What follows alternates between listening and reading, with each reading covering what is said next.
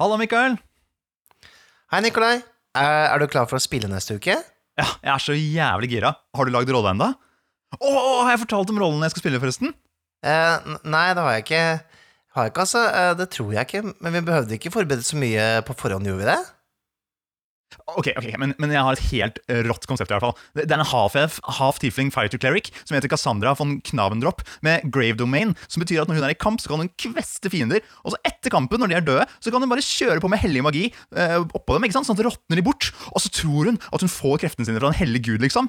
Men det hun ikke vet, er at siden hun er half-tiefling, så har hun en far som er domon, som hjelper henne og gir henne krefter. nå er han i gang igjen. Jeg syns de greiene der er litt ikke sant? Og så vanskelig. Velge seg bakgrunnshistorie og Roa jo alv, og- og utseende og- lykkeguden til mora, og det gir en god twist på Warlocks. Kan man ikke bare notere ned et par egenskaper, da? Og så er man i gang. Og så da lærte hun å bli fighter. ikke sant? Og så i løpet av spillingen så må hun ta et valg og finne ut om hun skal liksom følge ham eller følge foreldrene Mikael? Mikael? Følger du med, eller? Eh, ja da, eh, men eh, alt det der virker så komplisert. Må man tenke ut alt det der for å lage en rolle?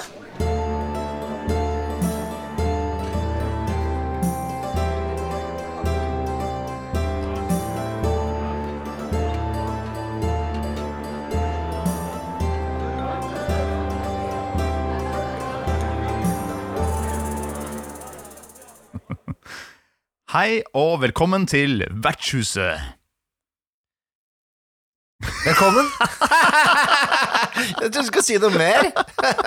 jeg Jeg liker, å si liksom mer. Jeg så for meg at jeg på en måte bøyde meg ned og viste frem deg som sto der på den røde løperen. Til Mikael.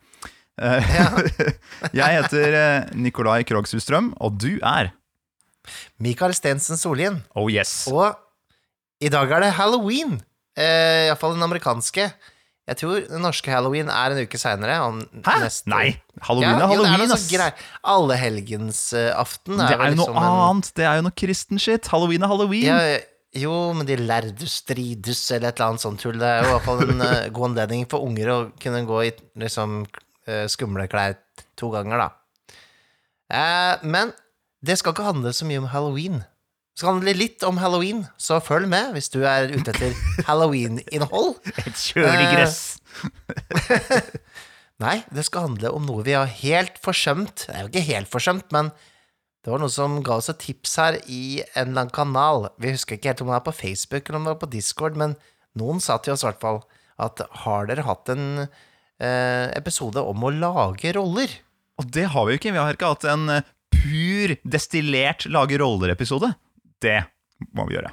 Det syns vi var på eh, sin plass, rett og slett. Eh, dette er så grunnleggende eh, for alle rollespill. Å lage en rolle, det må vi dissekere og maltraktere og arkivere og kverulere. Ja, vi skal gjøre alle de tingene. Jeg har lyst til å begynne med, med the basics, og det er hva består en rolle av? Hva er en rolle? Man kan ta det der, eh, og så kan man si et navn. Altså, hva, hva, hva er liksom en rolle? Jo, det kan være noe så enkelt som et navn, ikke sant? Vil jeg påstå, da. Mm. Jeg tenker jo at det, holder ikke. Det holder ikke å komme her med et navn. Det holder jo ikke med et navn, Men men det må jo ha mer.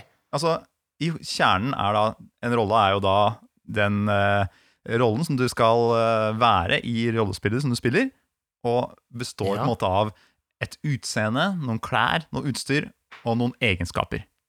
Ja, Sånn i hovedsak. Og et navn, kanskje. det kan jo bestå av mindre. Mm. Bare for å kverulere. Ja, men det Allerede nå! Fy fader. Ah. Ja, ja. Men altså, eh, rollen er jo en maske eh, du som spiller tar på deg for å oppleve historien gjennom et slags filter som gir deg tilgang til drømmenes eh, vev. Oh, wow, det her er jo high fly shit, Mikael. Ja. Noe rar tobakk du hadde i pipa di når du satte deg ved peisen. Ja, Jeg tok noe ekstra kaffen bare for å virkelig sette meg inn i situasjonen. Ja, men Du har helt rett. Det er, det er eh, utseende, klær, litt sånn eh, de- smådetaljer, da, Mm. som er strengt tatt det du trenger. Men eh, jeg vil jo si en rolle Hvis du skal destillere den ned til eh, rollespillmessig, så må det være en, en, et sett med verdier eller knagger som spiller inn på spillets regelsystem. Og noe de andre du spiller med, kan forholde seg til. da Ikke sant? Så, Mm. så noe de kan spille på. Altså som de, de fysiske tingene, som et utseende og klær og utstyr, eh, og på en måte også egenskaper, da det er, det er jo det du opplever først. Mm. Og så, jo, så kan man putte på flere ting. Man kan krydre denne rollen med liksom et, at den har hatt et liv før spillet begynte, f.eks. Eller kanskje har noen kontakter i den verdenen man skal spille i. Kanskje de har et mål. De har, kanskje de har en grunn til å havne i masse situasjoner som kan bli spennende historier. Men det er jo ikke, det krever, som du sier, det krever ikke det. Men i bunn og grunn så må det være et eller annet som eh, spillederen og de andre rollene også kan forholde seg til. Ikke sant. Mm. Jeg bare tenker tilbake på, på en måte, helt til starten av liksom rollespill uh, Mikaels uh, rollespilliv. Så var det vel strengt tatt bare navn og, og, og tall på de orka som gjaldt, på en måte. Mm. Uh, vi lærte jo på en måte ikke den rollespillbiten gjennom rødboka til DOD så godt, da. Så man har jo blitt flinkere på det etter hvert, eller man har fått større glede i å lage roller. Ikke bare på en måte en slags sånn dataspillfigur som skal pløye seg gjennom huler. Nettopp. Jeg husker jo eh, godt Det er på en måte i Hero Quest, så det er jo brettspill, men eh, du har, det er putta inn bitte litt flavor. Og det er, altså, Du skriver navnet ditt, det er liksom den ene tingen, som du sier. Og så er det også sånn du skal skrive inn et slagord på et lite sånn banner nederst.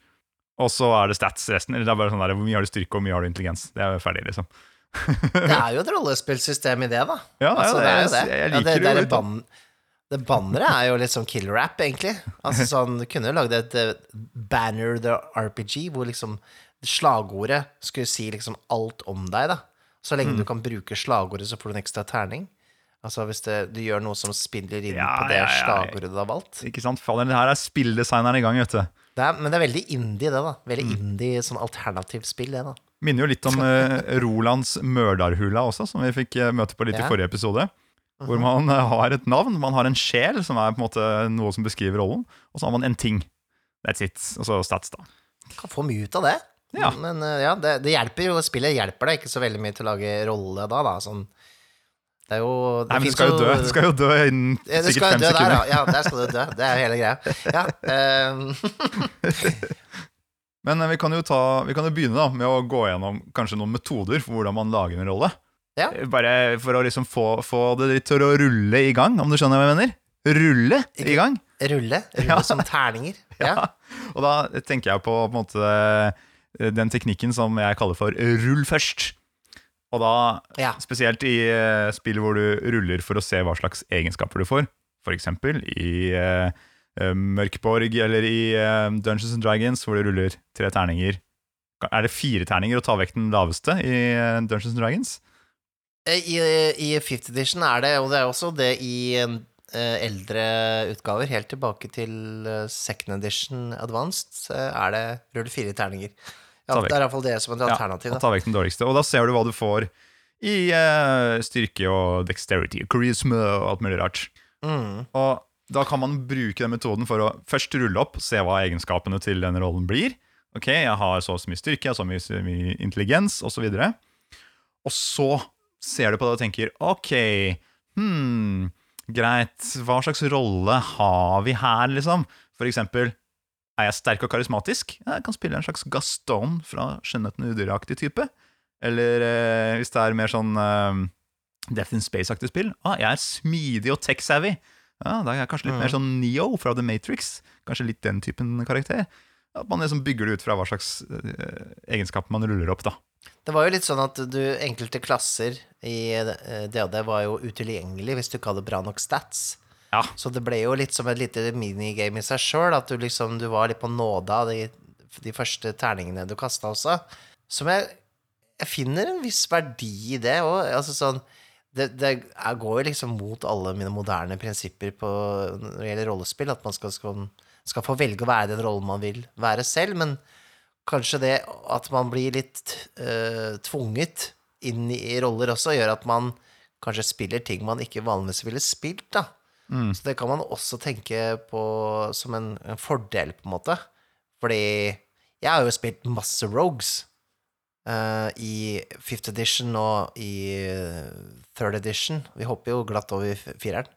Um, så det er jo fordi at man har styring. Man har veldig styring. Man velger hvor statsa skal stå hen. Iallfall i de mer moderne versjonene av det og det, da. Før var det jo rull- rulla man bare fra toppen og ned, ikke sant, og, og Ja. plasserte eh, der de landa. Hvis, hvis man skal spille på den måten at uh, det er noen utilgjengelige klasser, da. For eksempel, vi snak, har snakka om Rangers tidligere i Advanced Dungeons and Dragons, hvor det er sånn Ah, søren, jeg fikk ikke nok uh, styrke, eller hva fanken det er for noe, da. Og en eller annen stat. Mm. Så ah, kan jeg ikke spille den, da? Eller Paladin, som man trengte 18 i styrke og 18 i karisma, eller et eller annet. Ja. Og så ja altså, Det Bard også, vanskelig å lage. Men det kan jeg på en måte Som du sier, jeg kan like det hvis det er et veldig dødelig spill. Altså hvis det ofte Ja. rulles opp nye roller, da. Fordi da kan det være litt sånn derre Du hadde skikkelig lyst til å spille Paladin, men så rulla det ikke bra den første kvelden dere skulle spille, og så har, spiller du i sju år med en rolle du ikke likte fordi Bare, oh, Ja, ja. man, liksom. Men hvis det er ganske dødelig, ja. og så er det sånn der, ok, men om en ukes tid så ruller vi opp en ny en, og da kanskje, kanskje da sant. det går det, ikke sant? Så da, da kan jeg være med på det. Det, var lø- det var jo løsninger for det, og så ble det husregla huet og ræva, eh, sånn sett. Men, eh, men jeg, jeg du, du har jo avarten i det i, i Mørk Borg og andre eh, old school revival-spill, da, hvor du på en måte er litt sånn uh, ingen, ingen kjære mor når du ruller opp en rolle. Mm. Så ja, jeg vet ikke. Det, det har sine meritter. Det jeg syns kanskje er uh, best, da, det som er best med å gjøre det på den måten, er at hvis du spiller et dødelig spill, så er det sånn Ja, du har jo bare rulla opp en rolle. Du har ikke sittet liksom og detaljert den i en måned, på en måte. Mm. Sånn at det å miste rollen sin er på en måte ikke så drastisk, da. Eh, kanskje hvis du har spilt med den til den har nådd eh, level eh, 10, men da har du på en måte eh, da, da dør du ikke så lett heller. Så mm, det er noe med det, da. Mm. Det, det balanserer seg litt ut. Ja. Um, Det er en fin måte å spille på. Jeg tror eh, man kan få mye ut av å, å prøve seg litt på det hvis man har spilt mye sånne lange kampanjer og sånt. Og mm, ta noen runder med noen ganske dødelige greier, og så eh, finne ut hvor mye gøy man kan få ut av en rolle som man egentlig ikke har putta så mye inn i til å begynne med. ja, ja. Det og så er det jo litt sånn at en rolle kan jo forandre seg etter hvert òg. Det snakka vi jo litt om eh, her tidligere i en episode. At man ikke nødvendigvis trenger å, trenger å forbli statisk, da. Man kan eh, jo multiclasse og litt sånn forskjellige ting Mm. eh, dersom man eh, ønsker å gå en annen vei også. Og hvis man har en game-spilleder. Ja. Ja. Men i denne, på måte, denne første måten å gjøre det på, så er det terningene som bestemmer uh, rollen din. da. Men så fins det en liten avart som jeg kaller for rull etterpå. Hvor du da møter opp med en tanke om hva du har lyst til å spille, og sånn cirka hva du er gira på, på en måte. Og så begynner du å rulle opp egenskapene, og se på de, og så bare OK, nettopp. Men da tar jeg det konseptet jeg allerede hadde tenkt ut, og så justerer jeg litt på den personligheten. Sånn type for eksempel Ja, jeg hadde lyst til å spille sterk barbar som kan alt. Dritboss, liksom, til å slåss. Men rulla ganske dårlig, så da får jeg heller spille Ok, jeg spiller liksom en sterk barbar, men det er en wannabe sterk barbar.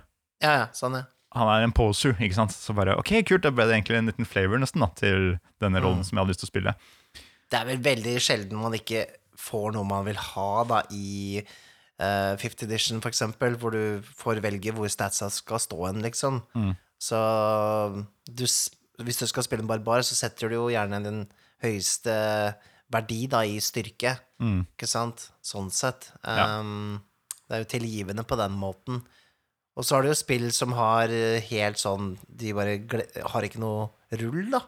De har point by-systemer. At du kan kjøpe deg opp i poeng. Um, sånn som i Vampire eller Ja, for den saks skyld Vesen og disse Year Zero-spillene, så er det jo Du setter jo ut poengene selv, da, så du skaper jo den rollen du ønsker å ha selv. Ikke sant? Og da er det ikke tilfeldighetene som bestemmer hva slags rolle du får. Da, da har du brukt en haug med skjetonger på en måte, og så lagt de på de egenskapene du selv ønsker. Mm. Ja. Jeg var veldig fan av det. Jeg er fortsatt veldig fan av det, eh, men i mange år så syns jeg at det å rulle opp roller var helt teit. Skjønner du? Ja, ikke sant? Jeg var sånn ordentlig imot det.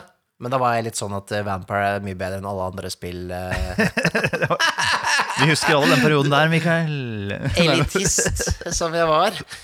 Um, nå er jeg litt sånn at jeg ser merittene i begge metoder, da. Uh, mye større grad. Ja, det er forskjellige typer moro med forskjellige typer konsepter og spill. da det, Jeg er enig i det. Jeg også liksom var sånn der, Ja, men vi skal jo spille, og her er boka med alle raser og klaner og alt mulig rart man kan spille, og så her skal man liksom drive og rulle? Ja, men ja, jeg vet jo hva jeg vil spille. Jeg vil spille den og den typen person. ikke sant? Og så skal jeg ikke Mm. få lov til det. Hæ? Hva er dette for noe drit? men, så jeg var liksom litt enig, da. Men jeg har også liksom begynt å like litt den derre Ah, fanken, jeg rulla en skikkelig drittgreie her. Ok, men hva kan vi lage for noe ut av det, da, som er interessant? Ja, fordi det var jo eh, Jeg pleide å spille med før som eh, ikke likte å lage roller, Mm. men eh, likte å få en rolle. Litt sånn one-shots og sånne ting. Mye bedre. Mm. Og så Det blir jo litt som eh, en regissør eller altså du, du skal spille en rolle i en film, da, og så får du et oppdrag. På en måte. Dette er den du skal skuespille. Ja. Eh, og det er jo litt sånn med uh, rulle opp uh, roller. Uh, eller iallfall i mange OSR-spill så er det gjerne noen tabeller du ruller, på for å finne ut mye rart, da. Som bakgrunnshistorier og quirks og alt mulig rart. Mm. Det, det blir jo litt sånn som å få en tilfeldig rolle. Jeg kan synes det er kjempegøy. Um, Death in Space, for eksempel, der, eh, der rulla vi opp eh, det aller meste. Ja. Um, og så får man det på en måte til å passe litt, da, inn i konseptet. Mm. Sånn Å ja, jeg rulla opp det, ja. Å ja, men det er sikkert fordi Og så begynner man å spinne litt ut ifra det, da. Litt som å dra eh, tarotkort, på en måte. At Ja. man tolker eh, eh, det man får, da. Jeg syns det kan være veldig spennende, og så går det mye fortere da enn å sitte og på en måte bygge opp en rolle. Ja, det er jo det er jo fordeler. Det blir en sånn der, ja, Hvis du har et litt løst konsept, som du sier, og så ruller du, og så får du noen sånne pekepinner som kanskje drar deg i litt annen retning enn du hadde tenkt, Mm. og så får man eh, tankene til å surre litt. Bare å se på en sånn liste over egenskaper som man kan rulle på, kan jo gi en idé til sånn Å, vet du hva, den punkt sju der, jeg bare velger den, for den tror jeg blir dritkul å spille, liksom. Og så går man videre. Eh, ikke sant, At man, at man plukker Man kan jo ha det, man plukker fra disse skjemaene også, istedenfor å rulle. ikke sant? Mm, mm, mm. Man kan jo også lage et fullt konsept til en eh, rolle man vil spille, og så spille den på tross av hva du har rulla i egenskaper. På en måte. Ok, jeg rulla dårlig på styrke, men jeg spiller stor og sterk, og så bare feiler jeg da mange ganger. Eh, I don't care, liksom. Det, blir, det handler om Da handler egenskapene mine om um, teknikken i spillet. Det handler ikke om den personen jeg har lyst til å spille. ikke sant? Da, da skiller man det. Kan man også gjøre, som en sånn tredje metode. Da syns jeg på en måte man går litt imot hele rollespillets ja, hensikt med regler, da. ja, men det går an. Det går an. Jeg vil ikke anbefale det, på en måte. Det er liksom det er som å spille et rollespill og vedkjenne Du vet, jeg, jeg ser at det er regler, men jeg velger å ikke bry meg om dem. ja, det går an. Ja. Nei, det, det, der tror jeg du hadde blitt tuppa fort ut av gruppa mi, faktisk. Uh, nei, det Det, det, det, det, det syns jeg er en, en dårlig løsning, da. Ja. Ja, men jeg, jeg, jeg, jeg sier ikke at det er en god løsning, jeg sier at det er én metode. Det er en metode. Skal vi gi den et navn? Hva, hva gir vi navn til den metoden der, da? Drittmetoden. Fint. Det er det kaller vi drittmetoden. Lag fullt konsept og spill det ut på tross av hva du ruller opp. ja. Nei, du, jeg syns det er litt sånn Det er, det er en trassig metode. Det, Det er det litt. Nei, du må nesten du må, det, er, det er litt sånn Det er litt som å spille fantasyspill og så bare late selv som det er sci-fi. Ja, du har lagd det selv inn i, inn i settingen, liksom? Jeg velger, å, jeg velger å tro at dette er teknologi. Ja. Ok. Det er et ganske kult eh, karakterkonsept, egentlig, da, hvis det er liksom Men likevel. Ja, nei, men det Kast den på bålet, faktisk. Kast den i peisen. Ja. Du må Den derre peislyden må vi få, må vi få fiksa. Ok. Vi må ha en ja, god jeg skal peislyd. se om jeg finner Ja, sånn voff. Ja. Sånn voffelyd. Du har vel peis hjemme, kan ikke du Jeg skal se hva jeg kan få til. Ja, kan jeg gjøre. Ja, det er bra. Ellers så kan man jo jobbe Det er episode fire, da. Samarbeidsmetoden. Buddy-metoden. Jobb sammen med spillederen for å velge en rolle som vil passe til gruppa. Det er sånn, der, Det er sånn hippie hippiekjør, det. Det er bare sånn, litt sånn der du kommer inn Jeg kan spille hva som helst, jeg. Vet du hva, bare dere velger hva dere vil ha. Og så gir du den som er til overs til meg. Hvis det trenger dere en cleric, trenger dere en wizard, da spiller jeg det. Det er, det er fordelen ved å gjøre det på den måten, men da Og her, her kommer vi jo inn på et lite sånn ting, da, som eh, kommer an på hva slags spill du spiller, så klart, men i et spill hvor eh, det har mye mer sånn eh, Hvor rollelaginga er eh, i større grad eh, teknisk, altså der du bygger opp med moduler, altså du eh, Bilmekaniker eller eh, Pimp my character. Altså, du, du bygger den opp på den måten, da, med regelmoduler. Litt sånn som i, um, i Fifth Edition eller Savage Worlds eller eh, disse spillene som er veldig sånn tradisjonelle, da, men er, kanskje har litt sånn etterslep av 90-tallet i seg. Så er det jo litt sånn at man bygger kanskje på den måten for å optimalisere en gruppe, da Mm. eller seg selv. Og det er jo en helt legitim måte å gjøre det på, men eh, det er ikke nødvendigvis den beste måten å lage interessante roller på, kanskje, fordi man gjør så mye kompromisser for at gruppa som helhet skal bli komplett, på en måte. Ja. Er det Ja, men altså, samtidig så er det jeg, jeg forstår det veldig godt hvis det handler om hva man gjør i spill. La oss si det er en del kamper, da, for eksempel. Eller, la oss si det alltid er en kamp, da, hver gang man spiller. Ja. Og så er det Gjør alle forskjellige ting. Noen driver med litt magi, noen hjelper hverandre, noen eh, skyter med pil og bue. Og så er det liksom en til som også skyter med akkurat samme pil og bue, gjør akkurat samme tingen. måte. Så kan man føle at Ja. det liksom uh, Ja, Det var ikke så gøy da å gjøre den tingen, Fordi det, var, det gjør jo en annen også. Jeg kan, jeg kan se det på den måten at det blir en måte å fordele spotlight på. ja. Et eksempel på en sånn type um, karakterer, eller rollelaging, er jo i um, Gumshoe-systemet. Så har man jo en liste med skills. Det er jo det som utgjør en karakter. eh, som man da har et sånn uh, sjekkhefte for. Holdt jeg på å si ikke sjekkhefte, men You kids will never know what that is. Jeg vet ikke. Jeg har aldri brukt et Sjekkhefte. heller, altså. Jeg mente så klart en sånn en, en liste, da. Mm. Uh, hvor man krysser av på. Krysse av-liste. Hva heter det?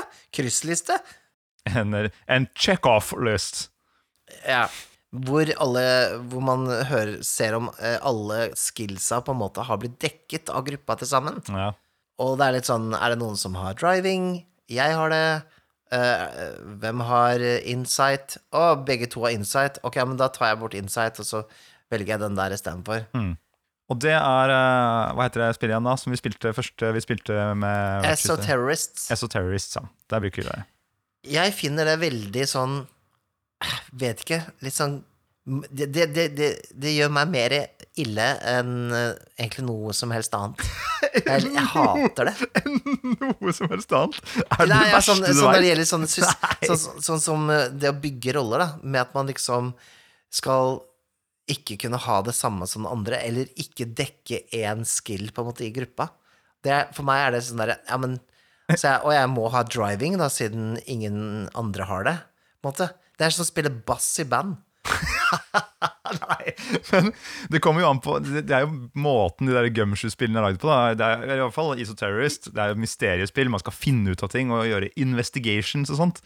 Og Ja, men det føles så krampeaktig, på en måte. Hva skjønner jeg mener? Det er krampeaktig at jeg har driving, fordi på en måte, det, er, det, det må liksom dekke opp alt for å liksom sørge for at eh, alt er dekket. Jeg syns det er blablabla. Jeg liker det ikke. Men altså, som sagt, jeg tror et investigation-spill hvor det er viktig at man finner alle clues og sånt, så er det jo det Som du sier, det er egentlig en fin måte å fordele spotlight på. I andre typer spill Men- så, så liker jeg ikke Jeg vil heller liksom Jeg syns det er morsommere å spille eh, en gruppe i, i Fifth Edition Dungeons and Dragons hvor alle spiller barbarians, Ja, enn at det er godt fordelt. om du skjønner? Det, det, for da må Ja. man finne liksom sin lille versjon av hvem er jeg i denne barbarian-gruppa. Og det er mer sannsynlig også at en Ja. gruppe barbarer reiser ut eh, på tur, enn at man finner liksom en fra hver eh, leir og blir enige. Og så er det jo en ting også, da, som er verdt å nevne, at eh, hvilke stats du har på arket ditt, er jo ikke din rolle egentlig i seg selv. Altså, det er jo de tingene som kan komme fram i spill, eller ikke. Du skjønner jeg mener? Mm. Det er jo ikke Det er litt sånn derre eh, Er det ikke det uttrykket sånn derre Hvis et tre faller i skogen, lager det lyd? Mm. Det er litt sånn eh, Har du egentlig en skill hvis den aldri kommer i bruk? Altså, det er litt sånn eh, Jeg føler det er litt sånn da, at, at selv om to har driving, så hvis han ene bare kjører, så har jo ikke nødvendigvis den andre driving i seg sjøl, for det kommer aldri inn i spill, på en måte. Det er, det er jo bare ting på et ark Ja. Um, før det liksom er med i fiksjonen, da. Så ja, nei, fysj. Det er sånn derre fordele skillsa til hele gjengen. Det er min brannfakkel, faktisk. Du kaster hele Gumshy-systemet i peisen, faktisk. I dag er du on a roll, Mikael. Ikke? Men eh, fortell om Nei, men altså- Du har en, du har en femte metode når det gjelder å, å bygge rolle, som du har snakket om. Ja, det var den bilmekanikermetoden. Bilmekanikermetoden, ja, den synes jeg hørtes spennende ut. Fortell om den. Nei, det er jo den eh, på en måte Når du hører folk, eh, kanskje litt sånn yngre uh, spillere i DOD som spiller mer for å kjempe og sånn, så er det jo den der at man bygger builds. Man uh, planlegger gjerne eh, en rolle, sånn som du snakker om, sånn, nesten som en karakterbue, da, på forhånd. Mm. sånn, ja, når jeg kommer til level 7, da skal jeg velge den og den pathen, eller den og den uh, subclassen, eller whatever, for å få den og den spellen, bla, bla, bla. Du har liksom lagt opp et løp, da, for å optimalisere, for å på en måte bli best. Eh, eller bli den rollen du har forestilt deg, da. For så vidt. Eh, Det kommer an på hvordan du vrir og vender på det. Det er ikke sikkert du bygger det for å bli best, men at du, du, du vil som Du vil lage en rolle med disse og disse tingene, da. Um, Forhåndsbestemmer en utvikling. Jeg, jeg, jeg mener jo at bilmekanikermetoden her, og builds, det, det er jo for å gjøre en mest mulig mektig rolle. Det må jo være det. Det er det det går i, er det ikke det? jeg, jeg tror det går for det meste i det. Det er litt sånn rart, for jeg har aldri bygd på, eh, på den måten. Men så er det jo eh, Jeg er litt sånn dårlig å spørre, fordi eh, siden jeg nesten aldri spiller, så spiller jeg på en måte nesten aldri for å vinne heller, på en måte. Ehm, spiller liksom litt på lånt tid, føler jeg. Du spiller på lånt tid.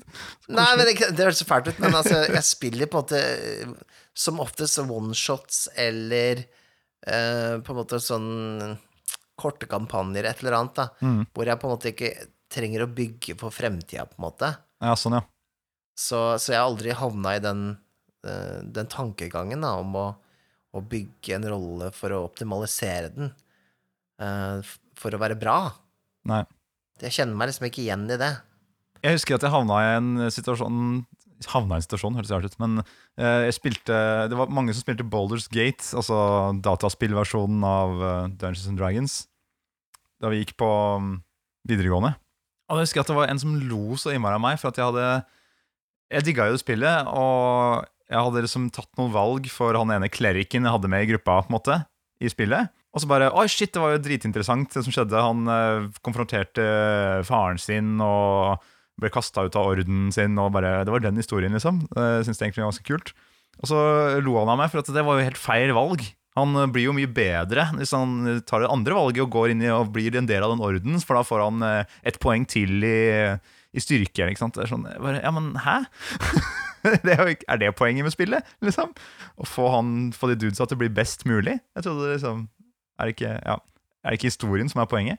Ja, Ja. Det, der, er, det, der er vi nok ganske like. Jeg husker også det, mitt møte med datarollespill um, ja, Jeg hadde spilt en del uh, som Final Fantasy og sånn, men um, World of Warcraft Der skulle jeg spille det sammen med en fyr på jobben Mm. som var veldig dypt inne, da.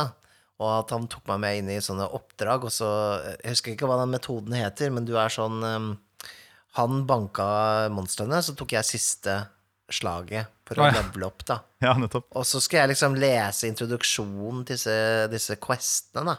Ja. Og så var det sånn Nei, bare skipp det der, det er ikke noe viktig. Og så bare, bare Nei, men jeg vil lese hva som Hva er historien her? Hva, hva er liksom Ja, greia? det er det som er gøy. Å, det Nei, er en konge farlig, som er på vei bare- dit og dit. Så skal jeg ta han. Vi må forte oss, vi skal gjennom fem dungeons og Paul er opp på level 10 med en gang, og Nei, det, For meg så ble det bare sånn Det her Det er så langt unna det jeg vil få ut av til og med dataspill, liksom. Ja.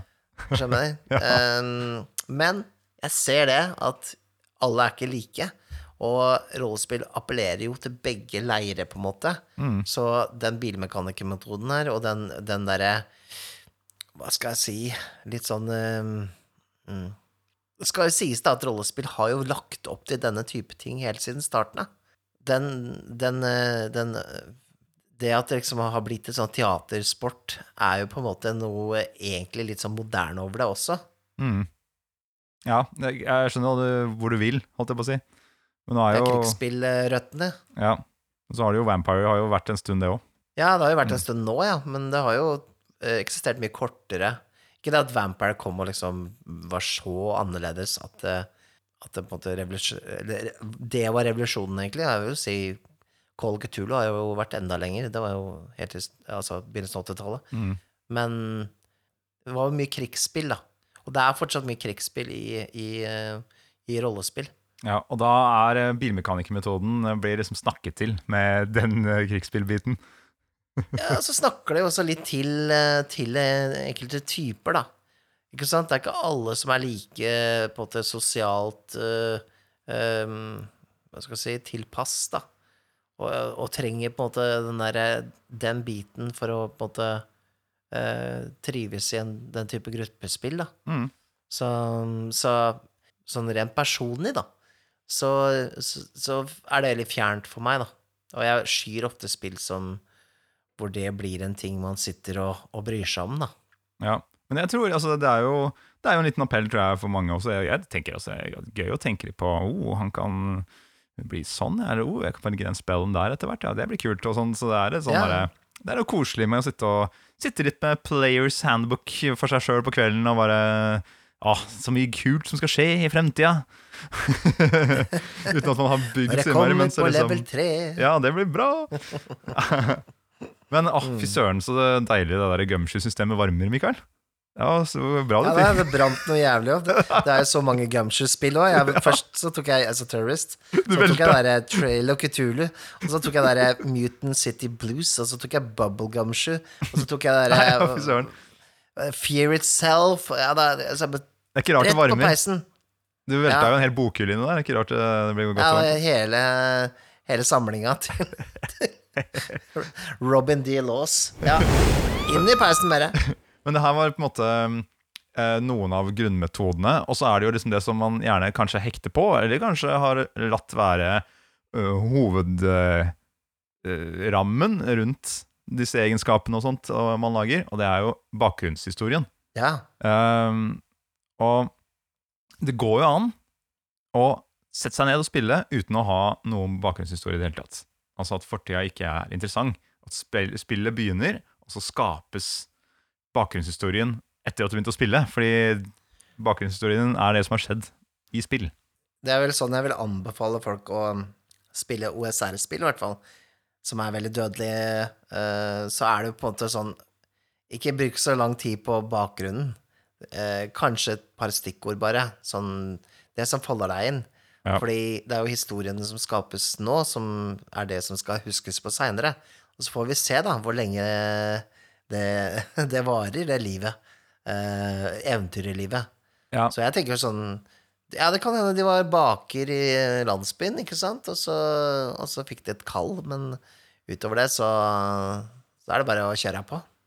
Mørkborg har, jo, Mørkborg har jo noen herlige sånne lister man kan rulle på for å finne ut hvordan Ja. eh, man eh, ble, eller hva som er bakgrunnshistorien. Jeg mener jeg husker den ene er at man ble abortert i en utedass, men klarte seg.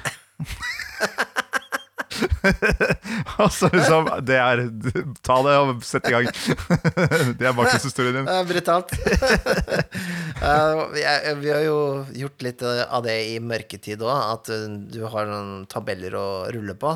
Og det å da bare kunne rulle på disse tabellene gjør jo at rollen skapes fort, da, med bakgrunner og sånne ting, som gjør at det er liksom akkurat kjøtt nok på beina, men du har ikke brukt lang tid på det. Og da er det på en måte greit. Da gjør det ikke så mye om du får kløyva skallen, liksom, av en uh, hodekutter. Det er jo eh, Det er innafor. Mm.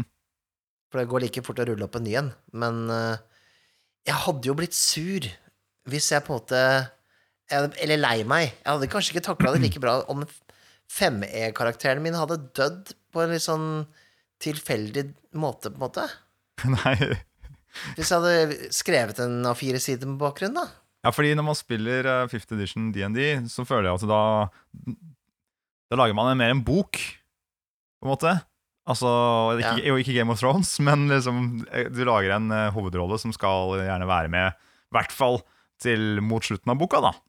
I det minste.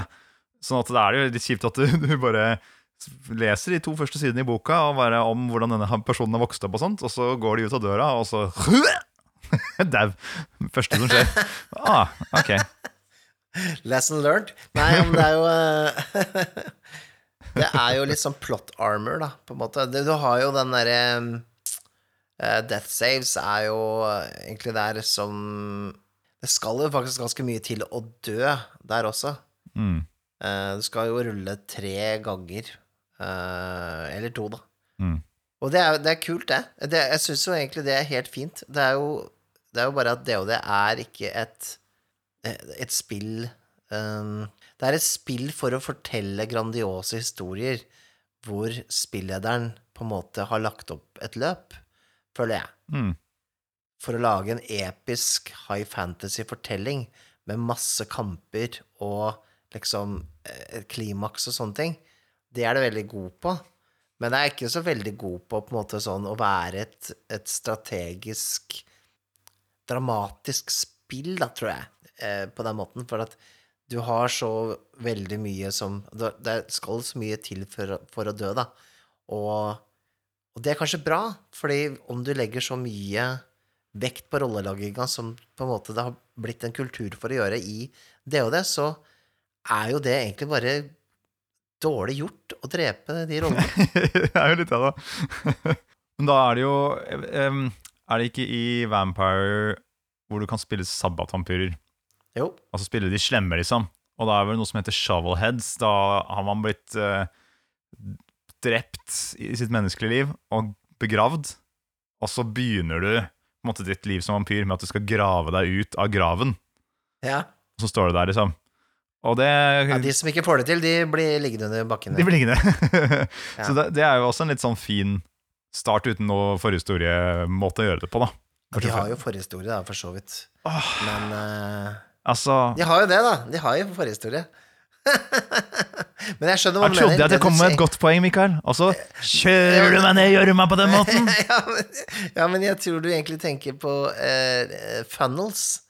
Um, Ja, det er, egentlig- ja, kanskje det er det jeg tenker på. For det er et konsept fra OSR. Jeg prøvde å snakke Eh, ditt språk, da, med å komme, dra frem vampyrer og sånt, noe som du er så glad i. Det skal jeg faen meg ikke gjøre igjen. Nei, uh, Vampire har mye mer til felles med Fifth Edition enn det enn noe annet, egentlig. Altså, hvis det er et spill som bruker mye tid på å lage rolle, altså, så er det Vampire, da.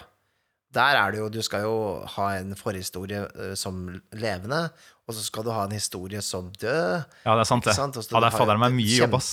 Det er to, Der er det eh, to forhistorier. Og bare, ah, oh shit, det er to konsepter Ja, oppå hverandre og Så- greier. Ja. Mange detaljer og kontakter og eh, touchstones og convictions og alt mulig rart. Det er veldig kult eh, på sine egne premisser. Og der spiller du en vampyr da, som lever evig, og der er det vanskelig å dø der. Eh, men eh, Så sånn sett er de ganske like på den måten. Men jeg tenkte litt på funnels. Det er jo en sånn eh, en ting som er med i eh, Dungeon Crawl Classics, hvor du lager opptil Hva var det? Opptil fem roller. Men det er sånne superenkle roller, da. Det er typen på en Post-It-lapp. Det er sånn baker, styrke, smidighet øh, og intelligens, liksom. Det er litt sånn som Det er akkurat som mørderhullene til eh, Roland. Ja, nettopp. Ikke sant? Altså, du lager en haug med roller, sender de inn i en veldig dødelig dungeon. Den som står igjen til slutt, det er den du spiller. De kan bli eventyrere. Ikke sant? Så da sitter du igjen kanskje med en, eh, en, eh, en, en baker, en møller, en eh, gartner, en Og så er det sånn Ja, da overlevde de det der. Da velger jeg at den gartneren der skal bli trollmann. Mm. Og så flytter vi tida kanskje et par år seinere, og så er det eventyrere. Det er kult, da. Blanding av Samwise Gamgee og Gandalf the Wizard. Ja. Samwise Gandalf. Det er kult. Det er litt morsomt, da. Ja. morsomt konsept, da. Jeg vet ikke om jeg er helt solgt på ideen, men eh, det er artig nok. Enda morsom ting man kan gjøre en, eh, en Ja. fredagskveld, tenker jeg. Eh, Det er liksom en lita verktøy i verktøyskassa, da. Ja. Så det jo, var jo mulig å spille nulltelevel-karakterer i, i gamle DOD også. Så det er jo litt det det kommer av, da. Ja, Da får du litt bakgrunnshistorie bakt inn automatisk. Da, han var baker, liksom. Da, da har man en, fått et lite stikkord. Han overlevde mas eh, liksom eh, massakren i Hillsfar i, eh, for ti år siden. Der er det allerede bakt inn.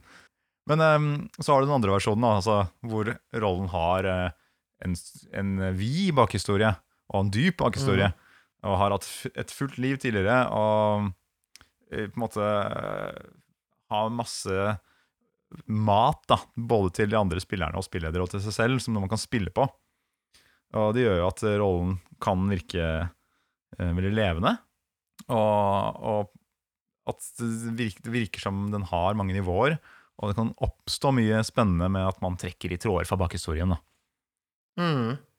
Um, men der mener jeg at du også tenker på noen ulemper. Ja. Ja, det er, det er ulemper litt i Det kommer litt an på um, hvordan du gjør det. Ehm, og det kommer an på spill også, så klart. Ehm, vi kan ta Vampire som et eksempel, da. Mm. Uh, Vampire har jo veldig mye regler som er knytta til bakgrunnshistorien også. Mm. Sånn at der kommer mye av bakgrunnshistorien automatisk inn, så lenge du spiller spillet uh, med reglene som de er ment, da. Mm.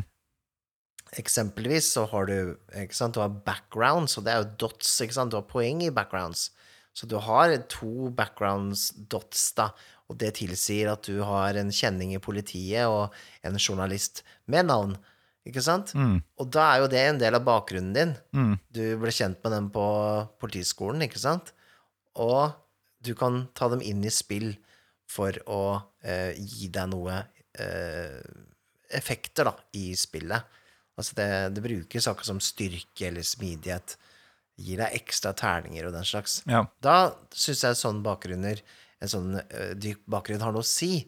Men hvis du skriver på en måte eh, en liten roman for deg selv, og det ikke er bakt inn i noe system, så er det jæskla vanskelig å få inn i spill. For dette er på en måte ikke noe som er så veldig lett å ta tak i, da. Spesielt hvis ikke den bakgrunnshistorien har noe med de andre rollene å gjøre. Mm. For da blir det på en ting som bare blir sånn egoting, som man må liksom gjøre alene med den rollen. ja. Det syns jeg er litt dumt, da. Det er utfordrende for spilleder også hvis det er veldig på siden, ja.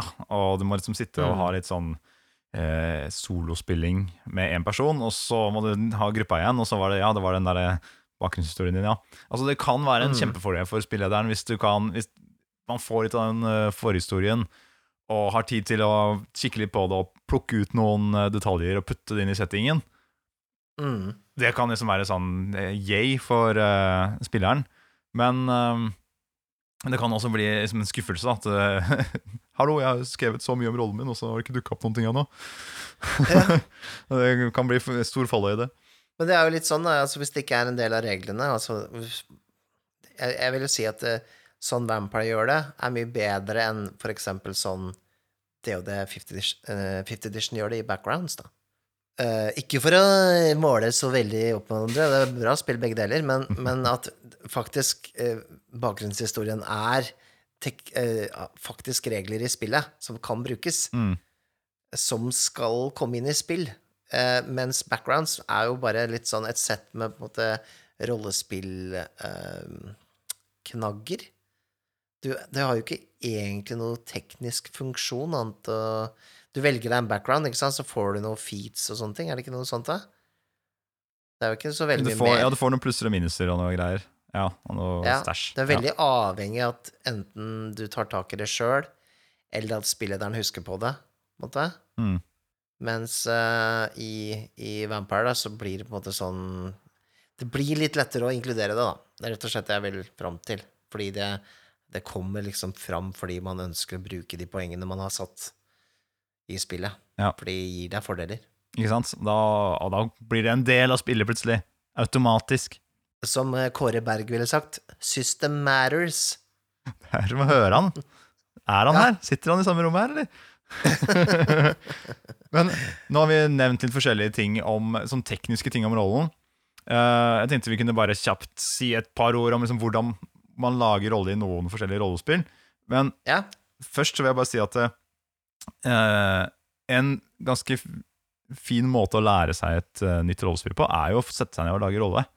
Så hvis man liksom har lyst til å lære seg eh, et eller annet spill som man syns ser interessant ut da, fra butikken, og så bare Ok, det første man kanskje kan gjøre, er bare, etter å ha kikka litt, prøve å lage en rolle. Fordi da dukker plutselig opp noen av mekanismene i spillet bare fordi de blir beskrevet i rolleragingen. Og så blir man mer kjent med systemet gjennom det. Mm. Men for eksempel Du, b- før vi går videre, jeg må Ja. nevne én ting til når det gjelder bakgrunn. Ja. Eh, og litt sånn hvordan man kan gjøre det. mm, Eh, det er jo en annen måte å bake inn en bakgrunnshistorie på, er å finne på bakgrunnshistorien underveis. Det fins jo spill der ute som er sånn um, Du får en utfordring. Hvordan vil du løse den? Ja, du, jeg, jeg, jeg velger å skyte. Å ja, har du skyting? Nei. Ja, ok, men hvordan lærte du deg å skyte, da? Å ja, eh, det skjedde for ti år siden, da jeg var i en gunfight, liksom, bla, bla, bla, bla. Ok, da er det etablert. Blades in the Dark Ja, kanskje det er sånn der? mener jeg husker huske. Du kan, eh, du kan eh, påberope et flashback. Du kan si Du forklarer dette med et flashback, hvordan du får til dette. Ja, ja, sånn, ah, jeg har jo den, det bildet av familien min har jeg alltid i baklomma. Og så har du et flashback til at du liksom putter det inn i lommeboka og bla, bla, bla. Ikke sant? Så tar du det frem. Mm. Ja, for det, det kan være en måte å gjøre det på, da. Mm. Uh, enten kommer an på spillet, men det er jo uh, Det at du rett og slett etablerer ting i fiksjonen, det er litt sånn improvisasjonskkunstprinsipp, at du sier, ikke sant, du, du etablerer noe nytt, så må alle på en måte være med på det, da, Mm. eh, etterpå. Ja, eh, ja også, eller ja, men uh, Mm. Ja, altså Itras by, da. Det, det, kan, det kan funke. Da Mm. bruker man ikke så lang tid på å tenke ut bakgrunnshistorie på forhånd, men man etablerer ting etter hvert, da. Ja. Det, det, er jo kult, det. Og det er liksom synes det, det er en morsom og dynamisk måte å komme med mer påfyll til rollen sin òg. Det er fint å liksom Hvis man Mm. plutselig får inn en sånn, et innfall, så bare notere det i kanten av rollearket, bare sånn man husker at eh, Ja, stemmer det. Nå, jeg, nå nevnte jeg plutselig fant jeg plutselig på ja, at jeg har en familie i Danmark. Så bare skriver jeg den her. Mm, ja. Ikke sant? Ja. Du har jo et sånt, eh, Ikke for å dra inn for mye Vampire, men det er, det er mye Vampire i Monter for tida. Eh, men der har du også noe som heter memoarium. Du kan eh, be om en scene fra fortiden, Mm. hvor du kan bruke da eh, det som skjer i scenen, som en fordel i det som skjer nå, da. For eksempel, står utenfor en safe, ikke sant, og faller Shit, åssen skal vi få åpna den safen? Så kan jeg ta et memorium til et tidligere brekk vi gjorde for eh, type 30 år siden, eh, akkurat da jeg ble vampyr. Greit, hvem er i scenen? Og så lager man Mm. liksom en liten cast. Spiller man ut den scenen, og så, når den er ferdig, så går flashbacket tilbake igjen. Og da har du noen ekstra terninger for å rulle, for å prøve å liksom huske hvordan de gjorde det den gangen, da. Her er det mulighet til en power game og jukse så mye du vil, eh, hører jeg. Ja, du kan jo si nei til det memoriumet, da, som Jeg tar et jeg, altså bare, jeg husker tilbake til da han som eide banken, fortalte meg koden til uh, hvelvet. Ja, ja. Men hvis det hvis, If it makes for a good story, så hvorfor ikke? Men du nevnte jo Eller vi har jo nevnt eh, Dungeons and Dragons og Mørkborg altså, og, og um, old school uh, revival-spill. Da ruller du opp egenskapene dine med noen sexy terninger. Du får eh, egenskapene dine på forhånd, og velger deg noen bakgrunner og, og folkeslag du vil spille, og, og sånt, og så setter du i gang. I Itras by, da, for eksempel, som et annet spill, så er det mer at du, du velger deg vel en type, en type person, en karakter, også, eh, som du syns er interessant, og som kan passe inn i settingen, og så velger du deg en dramatisk egenskap. Altså noe som er utenom, utenom det vanlige. En, noe kanskje litt surrealistisk. Ja, dramatisk egenskap er et eller annet som er spesielt for din rolle, som du ber om eh, Ber spillederen å dra inn, da. Mm. Så i eh, Idras by-spillingene for eh, Vertshuset spiller, som du kan eh, lytte til om du går noen episoder bakover i eh, kartoteket her, så, så er det jo for eksempel min En av mine dramatiske egenskaper er jo at jeg sånne Jeg er befolket av småfolk. Så jeg, jeg har masse sånne, lu, altså sånne folk som er små som lus, Ja. som faktisk lever på kroppen min. Som eh, etter en tur på fylla, så var det, ble jeg befolka da, av noen sånne Av et eget sånn eh, vandrende folk da, som, som bor på meg. og det er jo noe som kommer inn i spill, fordi at det har på en måte spillederen veldig oversikt over. At det ønsker jeg å ha med i spill, da. Noe som er spesielt for meg, da. Og du trekker jo kort i spillet, og da kan det også være noen kort som sier at eh, din dramatiske egenskap aktiveres. Jeg mener, husk at min var at jeg var skittent rik, eller noe sånt. Uh, Nei, det var de sigarene. Jeg hadde noen sånne kjønnssigarer som gjorde at man skifta kjønn. Når man, uh, Ja, når man røyka dem, Ja. Ja. ja, det, og der er det jo eh, Der har du jo strengt tatt bare Der har du ikke noe stats og sånn. Det er jo bare tekst, eller, eller omtrent notater på et ark. Det er jo det du trenger. Ja. Eller, eller notater i huet. Um, så det er jo veldig forfriskende, da, hvis du, hvis du vil spille absolutt hva du vil. Og så har du um, andre systemer som du De har vi jo nevnt litt allerede. da Eh, Disse gumshoe-systemene hvor du fordeler poeng. De får vi ikke sett så nærme på, for de ligger jo allerede i peisen. Um, Ja, det er sant. Vi får ta det etter hukommelsen.